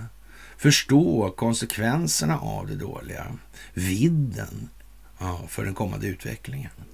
Och eh, den, det Donald Trump var tvungen att göra var att lura in den djupa staten, alltså anleda de hantlangarna till att agera då. Och så att allmänheten ser det här, den optik som skapas då, vad det egentligen är för någonting och hur fungerar det här alltså. Ja, och, och det är ju liksom en, en, en reflexiv kontrolloperation av bibliska proportioner. Så kan man ju inte säga för Bibeln är mycket mindre än det här. Men ja, så är det i alla fall. Och eh, som sagt, man hade redan all information från början i det här som man behövde. Men nu måste man så att säga visa att mönstret går igen och då tvingar man fram det här spelet. De har ju liksom inget val. Eh, de vet ju att de sitter ja, och nu måste de göra samma sak igen då om de inte vill kliva av då. Det är ju så det ser ut. Och vi vet att det finns möjlighet för ett scare-event då, då. Och eh, jag tror vi har berättat om det några gånger med Corner-caset liksom. Mm. Och på det här sättet kan alltså befolkningen se hur eh, underlivsporslinet och hans administration förstör landet och, och, och, den djupa statens agenda blir uppenbar alltså. Och det här har syftat till folkbildning hela tiden alltså. Och det har aldrig varit frågan om någonting annat överhuvudtaget alltså. Jaha, och eh, som sagt, bevisningen måste vara vattentätt för advokater kommer det finnas fortfarande. Mm. Som inte alls är benägna att ta ansvar för de har gjort, vad de har gjort tidigare. Mm. Det kan nog bli rätt turbulent i den änden här. Det tror jag. Men det är som sagt, de har planlagt var så säkra alltså. Och det här är, ja, de här missgärningarna som har begåtts, då kommer naturligtvis få konsekvenser, men det är inte frågan om någon hämnd på det viset. Det här ska ske inom ramen för det rättsliga system som finns alltså. Mm. Och, och däribland sorterar inte det svenska rättssystemet i någon ja, överväldigande del i alla fall. Det är helt säkert. Det finns ett problem där det sa en nationell säkerhetsrådgivare en gång. Mm. Sådär, faktiskt. Och eh, den djupa staten försöker komma närmare och närmare ett förödande krig. Men eh, ja, det, det håller inte bara det amerikanska folket utan hela mänskligheten som gisslan då. Alltså. Och då kommer också Trump att träda in som fredsmäklare. Då. Han vet vad som ska göras för att gjuta olja på vågorna för att skapa varaktig fred. Alltså. Ja. Ja, kan man nästan eh, säga så här, det måste upp en bit på tå, alltså för den här lättnadens suck ska sådär alltså. Ja, men du kan ha dina pengar där på din lilla dosa i elektroniksammanhang. Mm. Så kan du tänka på det när det börjar vissla i luften, på säga. Men, ja. Sådär. Ja, mycket speciellt läge alltså. Och man, man får ju nästan, eh, ja, det här med krig, alltså de här som röstar på krig, då, vilka är det som vill kriga? Det är inte de som tänker åka dit själva i alla fall, det är alldeles säkert. Mm. Det vet jag inte. Det är någon annan som ska kriga. Man kanske rent av ska hyra in legoknektar. Ja, som sagt, de, ja. Det, måste bli tydligt alltså, det är uppenbart. Det är uppenbart. Sådär, och nu verkar det som att Biden har fått lite demens också, sådär, och, och, och det vet man ju inte. Och, och, det här med att utreda hans hälsotillstånd, där är det någonting att... Ja. Hur är det med, med egentligen ja, de här republikanerna, det republikanska partiet? Mm. Tänk, det är ingen som har kommit på att man måste spela båda sidor. Nej. Nej, det är ju det alltså. Det är ju det alltså. Och så har Mark Garland åkt till, Merrick Garland åkt till Ukraina för en snabb visit alltså. Ja. Det verkar precis som att det är jättepanik nu alltså. Det verkar kunna bli en händelserik vecka det här. Ja. Och, och, det här med att Kina och Ryssland kommer trycks ihop närmare på grund av USAs beteende. Mm. Och så börjar man protestera mot Turkiets uppförande mm, för att försöka medla i konflikten. Mm. ja, undrar om det är planerat. Jag vet inte. Man kör det här baklänges liksom. Man bjuder upp till dans där vid det kriget. Man kontrollerar alla spelpjäserna själv nu. Mm. Så ett litet corn-event alltså. Ja. Tänk om det skulle visa sig att de här mm, atomsmällarna inte är så där riktigt farliga. Som det har sagts på lång sikt. Mm. Ja, man vet ju inte helt enkelt. Det är mycket speciellt. Och den här äh, Fauci. Ja. En ryss som skapade ryska covidvaccin, han mördades i Moskva. Fauci fick 400 miljoner dollar. Mm. Ja, jag vet inte vad jag ska säga. Faktiskt. Mycket speciellt alltså. Och Arizonas högsta domstol. Oh. Carrie Lake. Hur blir det där egentligen? Vad händer om en sån där grej går in?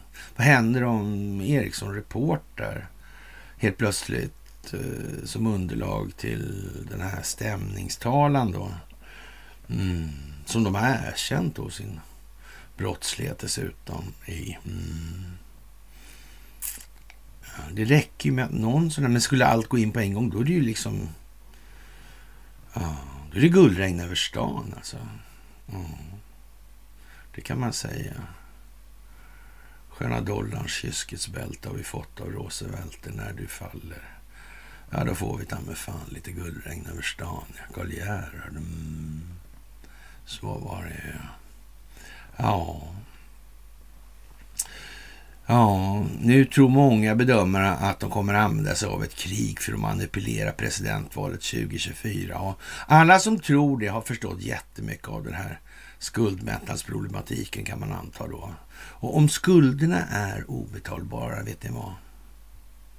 Då är de obetalbara, då går de inte att betala. Nej. Jättekonstigt. Och då måste man realisera förluster i bankernas balansräkningar. Ja. Och bankerna är insolventa redan. Ja. Vad ska man göra då? Mm. Vad ska man göra? Vi kanske ska bygga gäldstugor. Verkar ju bättre. Att det inte går att betala det här rent mekaniskt. Eftersom den realekonomiska värdeförädlingen aldrig kommer kunna möta det ackumulerade räntekostnadstillväxtkravet. Nej, det går ju inte på en ändlig planet. Vad tokigt. Ja. Men ändå, varför, varför försöker man med argumenten för då? Vill man inte riktigt erkänna? Nej, man var lite dum i huvudet. Ja, det kan ju vara så. Jag vet inte faktiskt. Otroligt speciellt alltså. Lara Logan som sagt, hon tycker det är, man, man blir smått förstummad alltså över att Eriksson alltså erkänner att man har, eh, ja så att säga, lagt upp då amerikanska soldater för terrorister eh, för att bli dödade alltså. Och, och det här framgår i det här civil case dokumentet och, eh, och som inlämnat i Washington där. Och, och, det är konstigt att ingen i den amerikanska regeringen eh, ja, tar upp det här. Alltså frågar vad fan är detta liksom? Är det beroende på att Ericsson kanske vet lite för mycket då? Och, och ja, vad är det för något annat de kontrollerar tror jag? vet inte. Sådär alltså. Det är ju konstigt. Mm. Och de börjar dela ut den här på massa ställen nu. Ja, då kommer ju folk tycka att det här är ju märkligt. Faktiskt och så. Skumt alltså. Ja, faktiskt. Mycket mycket märkligt alltså. Mm. Och, och, vad ska man säga? Ibland undrar man ju om, om delningarna kanske i många fall eh, de kan ju vara liksom så här välmenande och sådär, men ibland så undrar man ju vad fan, hur, hur får de ihop det här liksom? Uh, ja, jag förstår, man, det är svårt att förstå tråden liksom. När man, det blir bara spretigt allting. Mm. Och ja, det här med att hålla den här pedagogiska ordningen. Och jag är med Epoch Times då och Lotta Gröning. Mm. Just det, ja. Mm. Torbjörn Järlerup Expo. Oh. Bondage Romance i nazistuniform, ja. Oh, Lehmann och Pool finansierade av oh, bland annat Soros och så vidare. Oh. konstigt här alltså. Vad konstigt alltså. Ja, finns ändå en artikel som heter Kalla låta i landet falukorv som jag hänvisar till här. Och det kan vara kanske bra att eh, slå ett öga på den. Alltså det handlar om Lotta Gröning. Och, och hon blir pressad av Bonnier då, ta bort mig som vän på Facebook. Mm. För att jag säger att man måste kunna ifrågasätta historier. De ska ju fan hotas liksom. Ja, men... Eh, ja, vi får väl se. Hon är i Epoch Times nu i alla fall. Så, ja, som sagt, eh, hon kan inte skylla på att det inte har tillhört etablissemanget om vi säger som så. Alltså. Och en Bahnhof-VD som heter John Carlung, han, han, tycker man ska satsa på att eh, bygga kärnkraft mitt i Stockholm. Mm, de här SMR-erna är ju lite konstiga med de här mm, strålningsriskerna. Mm. Eller är det strålningsriskerna som kanske inte är, är riktigt, riktigt beskrivna hela vägen? Mm. Hur är det där egentligen? Vet man det? Det kanske man vet. Ja. Och under KTH finns det väl en också? Fanns det förr i alla fall, men den kanske tagit bort eller... Uh, står den kvar och läcker radioaktivitet? Uh. Ja, jag vet inte. Grängesberg Exploration är avtal med brittisk gruvjätte kring Dannemora-gruvan. Det här är ju fantastiskt det här med det här allmännyttiga som, som kommer fram. Alltså. Ett enskilt intresse ska exploatera den svenska landmassan. Mm. Och det blir naturligtvis jättelönsamt för den svenska allmänheten. Det är ju det det går ut på. Eller är det inte det det går ut på? Jag är, inte, jag är lite osäker här nu när jag säger. Ja, det är märkligt alltså. Ja, inflationen pressar upp räntorna. Ja. Alltså inflationen pressar upp räntorna. Mm. Inflödet av pengar. Mm. Och det här är konstigt. Ja, då höjer man räntan för att minska den utliggande penningmängden. Då. Mm. Och i takt med att de här pengarna dör då så blir det deflation då eller? Men är det inte ett problem då om räntekostnaden måste, eller om eh, eh tillväxten alltså, uh, skuldtillväxten ändå måste finnas. Finns det tillväxt? Kan inte det, är inte det ett problem? Ja. Jag har missat det här på något vis tror jag. Eller har jag inte gjort det? Nej, Nej jag vet inte. Det är jättemärkligt det här. Och, och, som sagt, det är häpnadsväckande att behöva hålla på med det faktiskt lite grann. Ja. Det är lite konstigt tycker jag. Men, men. Ja. Det där betalningsmedlet som inflaterar ekonomin. Ja, räntebelastade skulder sägs det ju. Ja. Tillväxtkrav, ja. Ja, jag vet inte. Ja, det är ju klart, det är lite komplicerat sådär, men alltså, ja. Ja, och det är inte höjda räntor e, e, en prishöjning på betalningsmedel egentligen? Och hur är det egentligen med, med det där med inflation och prishöjningar? Är, är det synonymt eller är det prishöjningar en möjlig konsekvens av inflation? E, eller tvärtom kanske? Men, men varför skulle mer pengar egentligen höja priserna? Det är för att, det är för att eh, handlarna vill höja priserna alltså. Ja, men det vill de ju ändå. Mm. Så det, det är väl det det går ut på. Det är kanske lättare att man så att säga från, från eh, samhällets sida talar om att det finns ingen god eh, kundrelation för en näringsidkare på det viset. Alltså, det ska kunderna glasklart för sig. Att de klår på så mycket de kan och de ska inte tro någonting annat.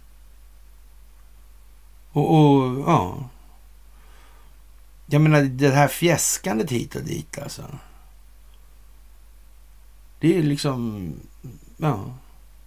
Om det är enskild vinstmaximering, då ska väl kunden vara medveten om att det är enskild vinstmaximering. Har man inte ens förmått upplysa om det, då vet jag inte vad. Det är väl liksom riktigt med i matchen då verkligen. Det är svårt att se faktiskt. Och Ronald Reagan kände nog till det här med Boforsrutten alltså. De här robot 70 som spred sig som en jävla ja, farsot alltså över alla terroristnästan. Mm. Och i alla fall enligt då folk som var verksamma på materielverket då under lång tid alltså. Så fanns det rätt många olika varianter på det där. Mm. Och, och, för övrigt så var det väl inte så att det var någon som på allvar trodde att vi skulle ha användning för den här själva. Det trodde jag inte. Det tror jag inte de trodde. Nej. Nej. Så vad var själva produkten egentligen till för? Ja. Just det, ja. Just det, ja. Mm. Mm. Men ni gjorde ju ändå Mac 2 sådär. Så det, ja. Det där är lite sådär alltså. Han kände ju till en hel del där om till exempel Al-Yamama-fonden. Ronald Reagan. Den som Bandar bin Sultan skapade tillsammans med eh, ja, Margaret Thatcher. Ja. Just det. Mm. Oil for Arms. Ah. Så då skulle man kunna tänka sig att vi sålde Robot 70 till England till exempel. Som bytte Robot 70 mot olja. Mm. Så skulle man ju kunna göra rent hypotetiskt. Jag, jag vet att det inte gjorde så därför att då hade någon sagt det naturligtvis. Och det är ju liksom det där som, ja, det här med förhållandet mellan aldrig och alltid liksom. Mm. Aldrig är alltid. Mm. Så det är liksom det ena eller andra som har varit här under rätt lång tid. Jag tror det var ungefär sen han slavhandlargubben och de var i farten där med ja, Motala kanonfabrik ungefär då. Mm, De Geer då. Mm, jag tror att det är så. Japan hade väl en hel del. Eh, det, det var lite, det blev något tag där. Det blev det omodernt så in i helvete med samurajer alltså. Uh, Det var liksom ingen match för de som hade artilleri. Uh, det med kampsport gick liksom ur tiden på 1600-talet ungefär. Uh, det är liksom fyllkurv på krogen. Men, ja, när det är the real deal liksom så. Ja, man underskattar klangen i rösten hos slagfältets drottning. Mm. Så, så heavy metal falling from the sky liksom. Ja, och eh, ja, han kanske kände till någonting om Hollywood också. Mm. Undrar om Tucker Carlson känner till någonting om... Han kanske känner till om Tucker Carlson den första. Mm. Gör han inte det så ska jag gladeligen berätta för det, det för honom om jag får tillfälle. Helt säkert. Mm. Mm. Ja, det där är ju speciellt alltså. Det kan man tycka alltså. Och polisduo i Sundsvall där har utrett rekordstort grooming-ärende alltså. Mm. Och det är alltså inte bara bärplockning med att få hit människor från Thailand det handlar om alltså. Mm. Vad sa man, vad hade de upptäckt? Var det 80 procent av alla thaimassage eh, hak liksom i Västernorrland som var rena bordeller? Ah. Mm i landet som inte ens kan enas om hur ett kvinnligt underliv ska adresseras.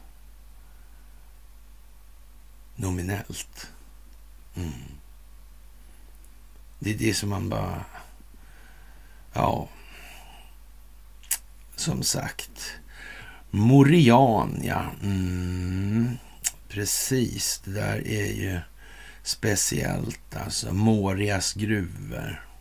Tolken grävde för djupt, släppte loss balrogen. Mm. Det sämsta i människan. Mm. Slavhandel är väl nästan... Om mänskligt liv är det högsta då, om vi säger som så. Mm.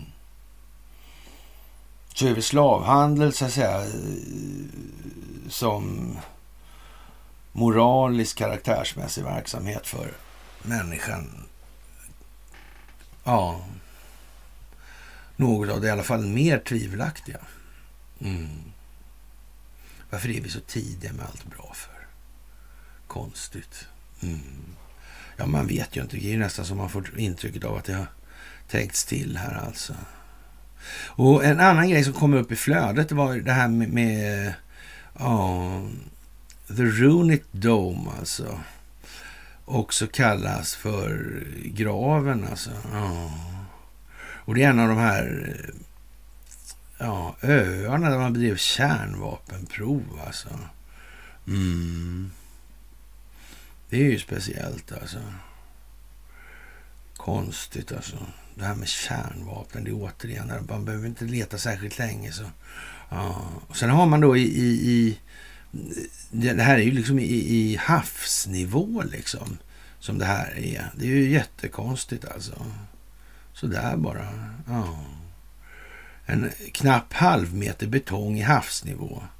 Och det, måste, det innebär ju per definition liksom att det, måste ju, det är ju jättefarligt det här avfallet i så fall. Och det måste ju förvaras säkert då i, i ja, tio triljoner år alltså. Mm. Eller så är det, jag vet inte, det är konstigt alltså. Det är märkligt det här med radioaktiviteten. Alltså. Men det är i alla fall säkert att ingen skulle ljuga om det på något sätt. Ju. Det är ju i alla fall bra då. Då vet man ju det. Alltså. Oh, Tjernobyl och så. Oh. Och livslängden på betong då, en miljö där klorider från saltet tränger in i betongen. Och, och, och dessutom är det ju i sådana här klimattider då, då, när haven stiger så dramatiskt och, och stora eh, ja, övärldar här som, som har bara försvunnit här på senaste ja, 30 åren, eller var det 10 åren kanske? Mm. Hur är det här egentligen? Är inte det här väldigt konstigt? Jag, jag tycker det verkar konstigt faktiskt. Jag har svårt att förstå det där. Oh. Hur kan det vara så här verkligen som man säger? Mm. Och teorin om det här med att det är labbläcka det här med covidiotin då. Oh. Först var den avfärdad då, då var det en jävla skröna och, och, och, och sånt där alltså. Mm. Nu, vi, nu ska man utreda det där igen då, då. Nu har det tydligen kommit fram någonting annat. Ja, jag vet inte. Det verkar som att många har liksom pissat in sig i hörnet ordentligt nu. Mm. Det verkar nästan så. Konstigt alltså. Det var ju fullkomligt otänkbart och ja, det är dummare än någonsin. Alltså. Och tittar man på Svenska Dagbladet idag då så kan man ju konstatera att liksom, ja. Det här som står om Ukraina där. Jag har liksom tappat lite lusten och, och, och man kan väl säga så här att eh, ja, det ligger i farans riktning att det blir så att säga en, eh, ja, en mil militär insats den pågår väl redan också i det här. Men frågan är hur mycket som har varit sant från början överhuvudtaget hur mycket som behövs egentligen. Men när de börjar skriva så att de dammar av en massa T62 och sådär. Mm. Är det är ju någon eller, ja, en eller annan part i det här som ljuger något alldeles hejdlöst. Mm. Och, och, det känns ju ganska tydligt som att eh, Sverige i allmänhet och globalistintressena i synnerhet, de här skarpa som Donald Trump pratar om, världens främsta industrialister, några av de här som var med i det på mötet där man hade handen i byxfickan och, och, och kavajen eh, käckt på svaj och slipsen lite sådär också på snedden. Mm. Det var ingen överhetsdemonstration det där, inte nonchalans. Artigt, prydligt liksom. Mm. Ja, jag vet inte. Möjligen, kanske. Och ja, det är ju lite som det är alltså. Och eh, ja, det här med labbläcka, det är väl ingenting som Fauci tycker eh, ja, är sådär jättehundra. Mm. Ja, det är många som sitter lite sådär till just nu skulle jag säga. Faktiskt. Och det är naturligtvis många som tycker det är jätteviktigt med det där. Med covidiotin alltså. Mm. Men som sagt, nu är det krig där. Och, och, ja. Det måste spelas som det spelas. Och motiven till varför det spelas som det, det kommer att kunna redovisas i efterhand, garanterat. Och viss collateral damage, det måste man ta i de här sammanhangen. Det finns inte på en karta någonting annat. Och tro att alla ska gå skadeslösa och sen tro att, vi tar, att man, när man talar om hur allting har fungerat, då kommer de tycka liksom att ja, vad bra. Det finns, går det inte i ljuset av att det finns människor som faktiskt är beredda att i princip ta sina egna liv för att slippa uppleva förtreten med att stå så in i helvete på fel sida om staketet. Mm. Ur det perspektivet så man måste tänka på att det är så också. Mm. Sådär. Och eh, det är lika lätt att eh, köpa fentanyl numera som eh, ja, att beställa en pizza i USA. Och ja, vad ska vi säga alltså? Mm. Tyskland är nu kommunistiskt förklarad medgrundare av Viktor Orbans parti alltså. Och jag vet inte vad jag ska säga. Rare Foundation är ju liksom... Mm. Som sagt, kommunisterna var väl vad de var antar jag. Och från början så var väl staterna, i alla fall London Communist League, var väl ändå imperialister om jag inte missförstod det där helt va? Nej, jag tror inte det. Nej. Och nog fan visste eh, Cecil Rhodes vad... Ja, jag tror han förstod sig på det här med kontrollen över strategiska naturresursflöden. Alltså strategiska förträngningar, jag tror han fattade det. Mm. Och inte han som betalade, finansierade han Herzl? han va? Alltså gjorde han? Mm. Och så det där med Gandhi. Ja, och den här Palmedutten också kom in där också. Mm.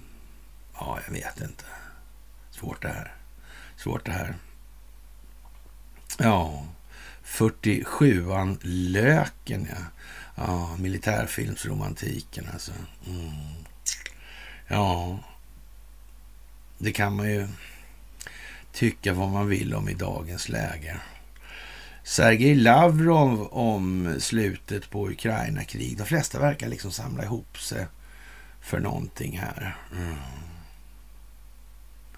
Men då har man ju inte längre eh, något behov av Ukraina i den meningen egentligen. Utan man har ju den här ansökan med Finland och Sverige som uppenbarligen flyttar NATO närmare den ryska gränsen. Mm. Så det är väl egentligen ingenting som hindrar att uh, Ryssland stämper av, alltså. Mm. Bär av det här i Ukraina. Mm. Militärt och kort nu. Här. Och sen fortsätter konflikten på den skandinaviska teatern. Det är ju inget som hindrar det direkt. För det, det är trots allt där som gränserna flyttade närmare. Mm. Nu. Mm. Ja, vi får ju se hur de tänkt spela ut det där. Men att vi skulle komma undan nej, känns inte riktigt så. Nej, det gör ju inte det. Faktiskt, nej. Det gör ju inte det. Ja, trist historia faktiskt. Och Trump han lovade utplåna den djupa staten som inte ens finns enligt alternativmedierna. Eller alternativkanalen eller alternativrörelsen. Mm. Det är bara enligt alternativ alternativrörelsen som den existerar. Ja, det finns inte så där omfattande institutionaliserad struktur. Nej, det gör inte det. Konstigt, ja. Märkligt. Ja, svårt att veta faktiskt. Ja. Ja, upplysning är ingen popularitetstävling utan argument i sak är ledande. Mm. Det är konstigt alltså. Vilket i längden gör det ohållbart att inte adressera det här med valutafinansiella systemet, skuldmättade Wallenbergs globala inflytande genom tiden fram till idag via inte minst telekominfrastruktur och kraftproduktion utan att för den sakens skull glömma av vare sig kemiindustri, vapenindustri, gensaxklippande läkemedelsindustri, livsmedelsindustri, nöjesindustri, narkotikaindustri och människohandelsindustri. Eh, kortare än så vet jag inte om det går. Conny fick ihop det där. Och ehm, ja, det är ju lite som det är, kort sagt. Det mest svenska som finns lär ju vara det svenska språket, sa en pingvin till mig en gång. Alltså. Det, det kan man väl hålla med om. Ja. Det kan man ju säga. Men hur mycket av språket man ska kunna och ja, hur går det med de som inte kan prata så bra ändå då, som är födda här sedan generationer tillbaka? Mm. Är de mer svenska ändå då, än de som pratar eller har mycket bättre språkbehandling och därmed en högre förståelse rent intellektuellt för tingens ordning i verkligheten. Jag undrar hur det är. Hur har de tänkt på det där? Mm. Alltså jag, det, jag börjar bli pinsamt eh, lite mm, ja, upprörd. Nej, men det blir jag inte. Men, ja, ska jag aldrig bli. Nej, men, men alltså det här det här är inte skitsvårt att bryta ner i delar på något sätt. Alltså så. Ja. Fantastiskt, fantastiskt. Och, ja, det här med vindkraft, det är ju lika dött som... Ja, jag vet inte faktiskt. Det är... Någonstans så får man väl dra en gräns ändå. Alltså. Eh, Rupert Murdoch, ja. Mm. Var inte han någon form av medial lirare i någonstans? va? Var inte det med Sky och sånt där tror jag? Mm. Hade han hand på avlyssningen också förresten? Jo, det var det ju så. Ja, ja jag vet inte. Mm. Ja, och, och som sagt, eh, slutsatserna i kommentatorsfälten eh, varierar kvalitetsmässigt rätt så rejält mellan varven alltså. Och, och, folk som faktiskt inte verkar förstå någonting har en otrolig förkärlek för, för att ändå vilja öppna näbben. Alltså det kan ju vara 30 kommentarer som är i, i princip då eh, samstämmiga, fast ja, med gradskillnad ur infallsvinklarna där. Och, och, så kommer det sådana här, man liksom inte fattar någonting. Mm. Gärna med liksom en, en personangreppsförklaring också, för säkerhets skull. Mm. Som sagt, det är speciellt alltså. Mm. Ja, i ett krig som tar plats i Europa eller sker i Europa så har amerikanerna det slutliga ordet, sista ordet. Då. Mm. Jag vet inte. Han säger att han är positiv till att de två länderna går med i NATO, men hävdar att regeringarna i Stockholm och Helsingfors har spridit uppenbara lögner om Ungern som har väckt frågor bland lagstiftarna i hans parti och om att eh, de här eh, ansökningarna ska godkännas. Ja. Jag vet inte, ja. Mm. Undrar om det blir bättre när det kommer fram att ja, man har finansierat det. Man har erkänt att man har finansierat terrorism och stött terrorism. Mm. Ja, det måste komma fram lite grann, för det är ju rätt så starka opinionsbildare nu som har fingrarna på det här med Ericsson Reporter. Sådär. De har ju rätt många följare, så även om de är jävligt skuggiga, så, eller skuggbannarna sådär. Så, mm. Men det verkar på något vis som att de har på känn att det släpper där. Ja. Och, och, ja, jag tycker det är fantastiskt trevligt det här med att ha den publik vi har här. Alltså. Det tycker jag är jättebehagligt. Sådär alltså. Mm. Ja, det är fantastiskt roligt måste jag säga. Och vem pratar om krig och vem pratar om fred egentligen? Det kan man ju fråga sig här nu. Och ja, som sagt.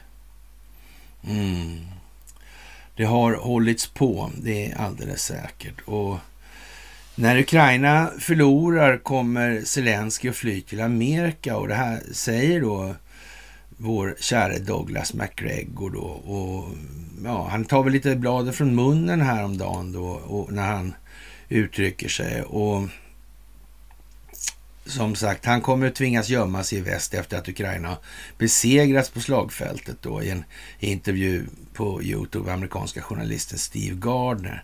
Zelensky och människor i hans inre krets har betydande bankkonton på Cypern och äger fastigheter i väst. Jag är säker på att när konflikten är över kommer de att fly dit innan de når honom. Det är möjligt att han kommer bosätta sig i USA, hävdar McGregor.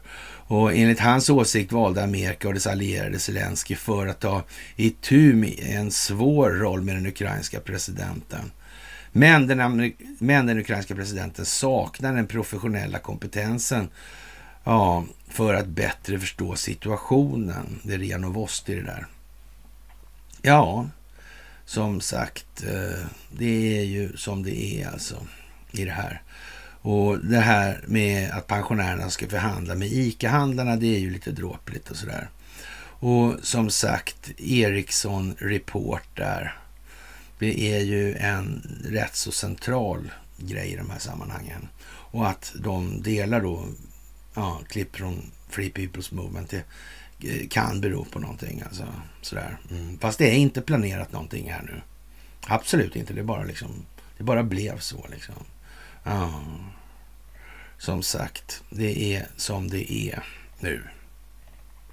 Glädjande nog. Och eh, det här med Lars Vilks då. Han kände till vad neutralitet var i verkligheten. Han visste vad religionen användes till. Så vad kan det handla om allt det här nu? Mm. Vad sa han den här Pike va? Kriget, slutkrigen där i, det var väl Europa också, skulle vara då ja, muslimer här och, och kristna där, var det inte så? Mm. Ja, ja, ja. Då, då kommer alla bara, det måste vara judarna. Man. Ja, nej, men vänta nu här. Ja, mm. Var sak har sin tid. Och pallar man inte att bita ihop, ja då är det ju som det är liksom. Det är bara så. Ja, som sagt. Det är, ja, det är morgon i Amerika, ja. Dagens Nyheter. Mm. Nattsvart är det. Aha. Ja, jag vet inte. Det här är ju som det är. Och här i Sverige har vi Bondage Romance då med alla Gärderup då. Och, och så. Ja, Drag och Bondage show för bebisar genererar ramaskri alltså i England. Ja. Mm. Var det inte i det där gänget, kretsen där? Var det inte någon mer inblandad? Var det inte någon donna där också tror jag? Jag hörde sägas det i alla fall. Det kanske inte stämmer. Alltså, det är bara hörsägen. Man tycker det ändå lite, lät lite komiskt med avseende på Gärlerups preferenser med de här uniformerna. Och, ja, hon ser ut som om hon skulle vara gift med Klaus Schwab. Alltså. Mm. Ja, det tycker jag var lite kul faktiskt. Oh, Oense om stagflation är mer orolig för bostadskrasch. Ja, som sagt. Eh, vinst, Hassler och Kalmfors. Liksom. Ja, Calmfors har erkänt att det är som jag säger. Det har han gjort på riktigt, i verkligheten. Mm. Profit liksom. whatever, whatever alltså. Maybe baby, som sagt. Och ja, jag vet inte, det där med utrota alla katter och rädsla för covid, jag vet inte sådär alltså lite eljest kanske. Ryssland kan ha stulit hundratusentals barn i alla fall. Kommer det fram nu här. Oh, Putin den förskräcklig alltså. Mm. Det är ju lite sådär svårt med det kanske. Ja. Och det här med, ja, hon där... Ja. Schwab presumtiva frun då, eller vad man ska säga. Den optiska Schwab-frun alltså. Mm. Ja. Putin den förskräckliga. Ja. Kanske Trump den förskräckliga och Erdogan den förskräckliga och Xi Jinping den förskräckliga. Jag vet inte. Ja, men de, de, får gå, de går ju för vad de är, så det är inte med med det. Liksom. Ja, ja. Och eh, ja, man får väl hoppas att det här inte behöver ta sig allt för dryga uttryck eller vad vi ska kalla det för. Alltså det, det, det får man väl säga. Alltså. Ja. Och som sagt, eh, mm, Trump tar sikte på hämnd i USA, det är Göran Eriksson. Då, om man ser att Göran Eriksson skriver så i Svenska Dagbladet, då kanske man ska låta bli att använda ordet hämnd själv. Då måste man förstå att liksom alla människor som bedömer att de löper risken att bli utsatt för den här hämnden kommer naturligtvis tycka det är jätteroligt om man kommer tillbaka till makten. De kommer inte alls bli stressade. Nej. Ja, vi behöver inte mer stress just nu. Det är bara så alltså. Ja. Så enkelt är det med den saken. Det här, idag, idag kan man ju liksom eh, konstatera att eh, det behöver lugnas ner här nu. Va? Och speciellt i ljuset av att vi eventuellt går mot ett scare event. Alltså, då är det inte bra att vi redan var på språng i det här känslomässigt. Nej, det är det inte. Svenska kvinnor har gått på myten om sig själva. Ja, det kan man ju säga det var en artikel som faktiskt var värd att beakta lite i det här, alltså, i, i, i de sammanhanget. Och, och, jag vet inte, om man, om man läser den här artikeln då kan man ju faktiskt tänka efter, men vad är det för jävla karlar då, då? Eller män? Som går med på det där som han beskriver som förkastligt hos kvinnor. Vad, vad, vad är liksom kommunikationsnivån i relationen på för, förhöjd liksom? Om det där kan ens existera. Vad är det där för någonting? Det där är lite konstigt tycker jag. Ja. Och bankernas tidevarv för kreativ inlåning som metod för skaparna av allmänt betalningsmedel går nu sin död till mötes. Det är ju trevligt liksom, sådär. Kan man tycka. Ja. Det får jag faktiskt säga att jag tycker nu. Mm. Och eh, vi exporterar den industriella produktionskapaciteten men inte den militära delen. Det var ju konstigt. Den skulle liksom ligga på någon form av neutral. Mm. Och sen är det ju, då kan man ju lägga patenten på de här grejerna i de här neutrala.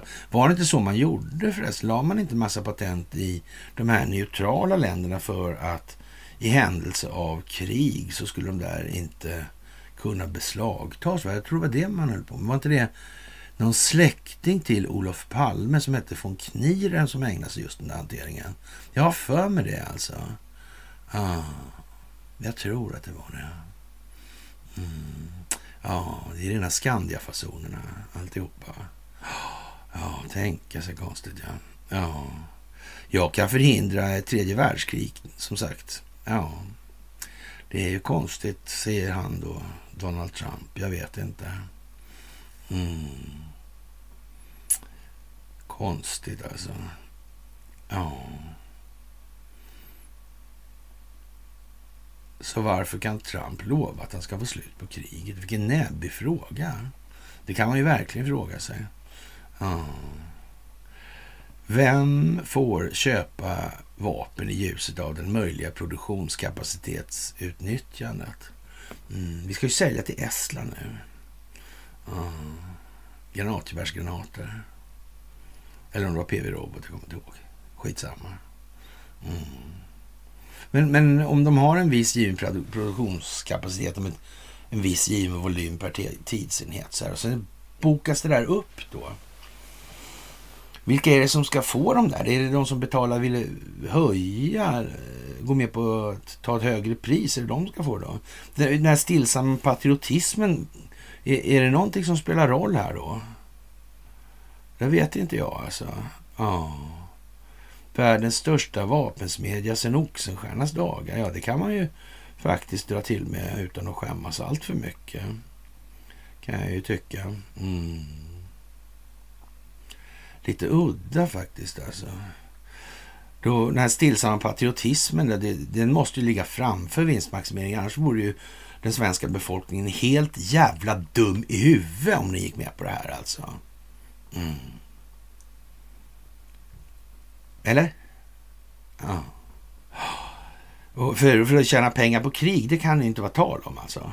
Nej, nej. Mm, aldrig alltså. Hela tiden det. Ja ja, som sagt, vad skulle vi annars haft neutraliteten till? Jag vet faktiskt inte. Det är ju jättesvåra grejer det här alltså. Ja. Sen stormaktstiden i alla fall, Oxenstiernas dagar har det ju varit då, kan man säga.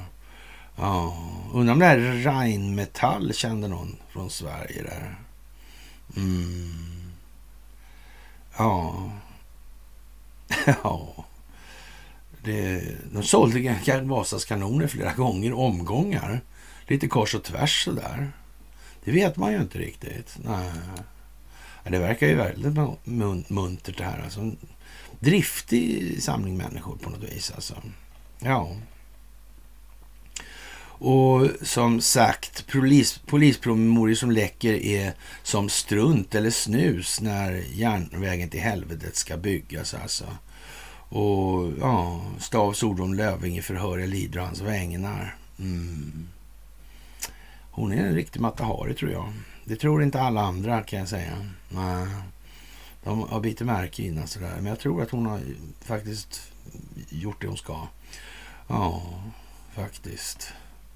Och Bolsonaro hyllas av USAs konservativa. Jag vet inte. Spännande det här, får man säga. Ja, kära vänner, det är ju en eh, massiv informationsmassa som eh, väller fram nu och, och, kostnaderna för Västra länken i Göteborg drar på och det beror på att man har dragit tunnlarna det borde dragit tunnlarna lite djupare. De går så ytligt, men det kanske beror på något man inte känner till, säger han. Eh, någon ansvarig. Ja, det kanske det gör. Och man vet ju inte om man inte känner till det. Eh, det man måste känna till för att känna till det. Ju. Ens. Mm. Men, eh, ja, men om det beror på något man inte känner till så finns det nog i alla fall någon som känner till det tillräckligt väl för att veta vad det beror på sådär lite, eller kanske så. Ja, jag vet inte. Undrar om det har grävts mycket i det här landet. Sådär. Kan ha gjort det? Ja, jag är inte säker alltså. Nej. Mm. Faktiskt. Mycket speciellt. Mycket speciellt alltså. Och som sagt, det här med svampar som tar över de centrala nervsystemen på levande individer. Det är liksom lite konstigt det där med mind control alltså. Mm. Det är lite speciellt faktiskt. Ja. Och sköljde näsan med kranvakten drog av järnätarna, Möba, i Göteborgs-Posten. Mm. Ja, då blir det ingen försämring av hjärnkapaciteten i alla fall hos svenskarna. Det, var ju det som alla drog slutsatsen direkt. Alltså. Och tyska vapenjätten Rheinmetall alltså flyttar till Ukraina. Ja, det var som det här Skodaverket Drexler där med Termer och mm, han och mm, Hitler möttes där. Den här, ja, ville köpa två gånger och tredje gången kom Hitler. Och, ville de inte köpa de blev det väldigt billigt när de köpte det i alla fall. Då. Och då gick det ju liksom inte att göra någon återvinning på det där för det var inte... Ja, då var det inte IG Farvens fel alltså. Nej, det är ju det där alltså. Mycket märkligt alltså. Ja. Som sagt, Litauen var det som köper ammunition till granatgeväret. Ja. ja. Vad ska svenska behovet då? Prioriterad produktionskapacitet utnyttjande är det alltså handlar om. Basta. Mm. Om de kan producera ett givet antal enheter under en given tidsperiod så måste ju ändå fördelningen av den produktionen vara rätt så viktig. Och, och om det är, här ska man föreställa någon form av svensk industri, då måste ju tänka på jobben. Ja. men då vet inte jag riktigt. Då börjar det här se konstigt ut. Är, är det så att eh, måste inte industri... Nej, det kan inte bli de som kan bestämma. Nej, det måste inte försvaret bestämma mellan hur... Be, eh, är det försvarsministern eller vem blir det nu då? Mm, jag vet inte. Vi har någonting om hur var det med svängdörrarna mellan FMV och generalstabskåren? Tror jag var något med va? Just det, så var det ja. Just det, det där med rågångarna verkar dumt alltså. Maktdelningsprinciper verkar förkastligt alltså. Ingenting skulle fungera i det här landet om det inte var så korrumperat kan man säga. Ja, och, och stackars Anders Lindberg, elnätsavgift är ett annat ord för ocker. Ja, det har Anders upptäckt nu. Ja, det var tjo det var kim det. Ja, jag vet inte. Faktiskt alltså. Ja. Allt gick ut på att de skulle få sälja saker Wallenbergs. Wallenbergs hela tiden. Och kunna skära emellan i 13 olika led. Liksom. Vi glömmer Anders att berätta som alltid. Det är fin Anders. Ja. Det är så. Uppenbarligen, uppenbarligen alltså. Mm. Ja, det verkar ju fantastiskt. Ja, det med surningarna och kanonerna på Vasa, vi var uppe det alldeles nyss, med Vasakanonerna. Ja. Det är ju också speciellt alltså. Det svenska rättssystemet överhuvudtaget. Ja, vi står nog inför den mest händelserika veckan. Ja, någonsin kanske. Mm. Så kan det ju vara. Så det gäller att hålla kylan. Mm. Var artig. Var artig mot varandra. Mm. Och sälj inte ut vad ni egentligen känner. Det är väldigt sällan man tjänar på det nu. Mm. Artig kall korten nära kroppen i det här läget. Det är det som gäller. Ett hövligt uppträdande kort sagt. Det är ganska bra. Det vinner man mycket på i det här läget. Ja, kära vänner. Med det så får vi väl säga tack för idag och sen... Eh, mm, är det piglördag? Mm. Ja, vi får väl se om vi klarar oss till dess. Alltså. Så är det ju. Ni ska ha det största tack som vanligt. Och ni är fantastiska. Det här gör ni för jävla bra helt enkelt. Alltså. Ni håller den absoluta spetsen på vad som är världs klass i de här sammanhangen. Och eh, med det lilla lätta berömmet så tackar jag för mig och sen hoppas jag att vi syns på senast onsdag då så får ni ha en så trevlig måndagkväll. Hej!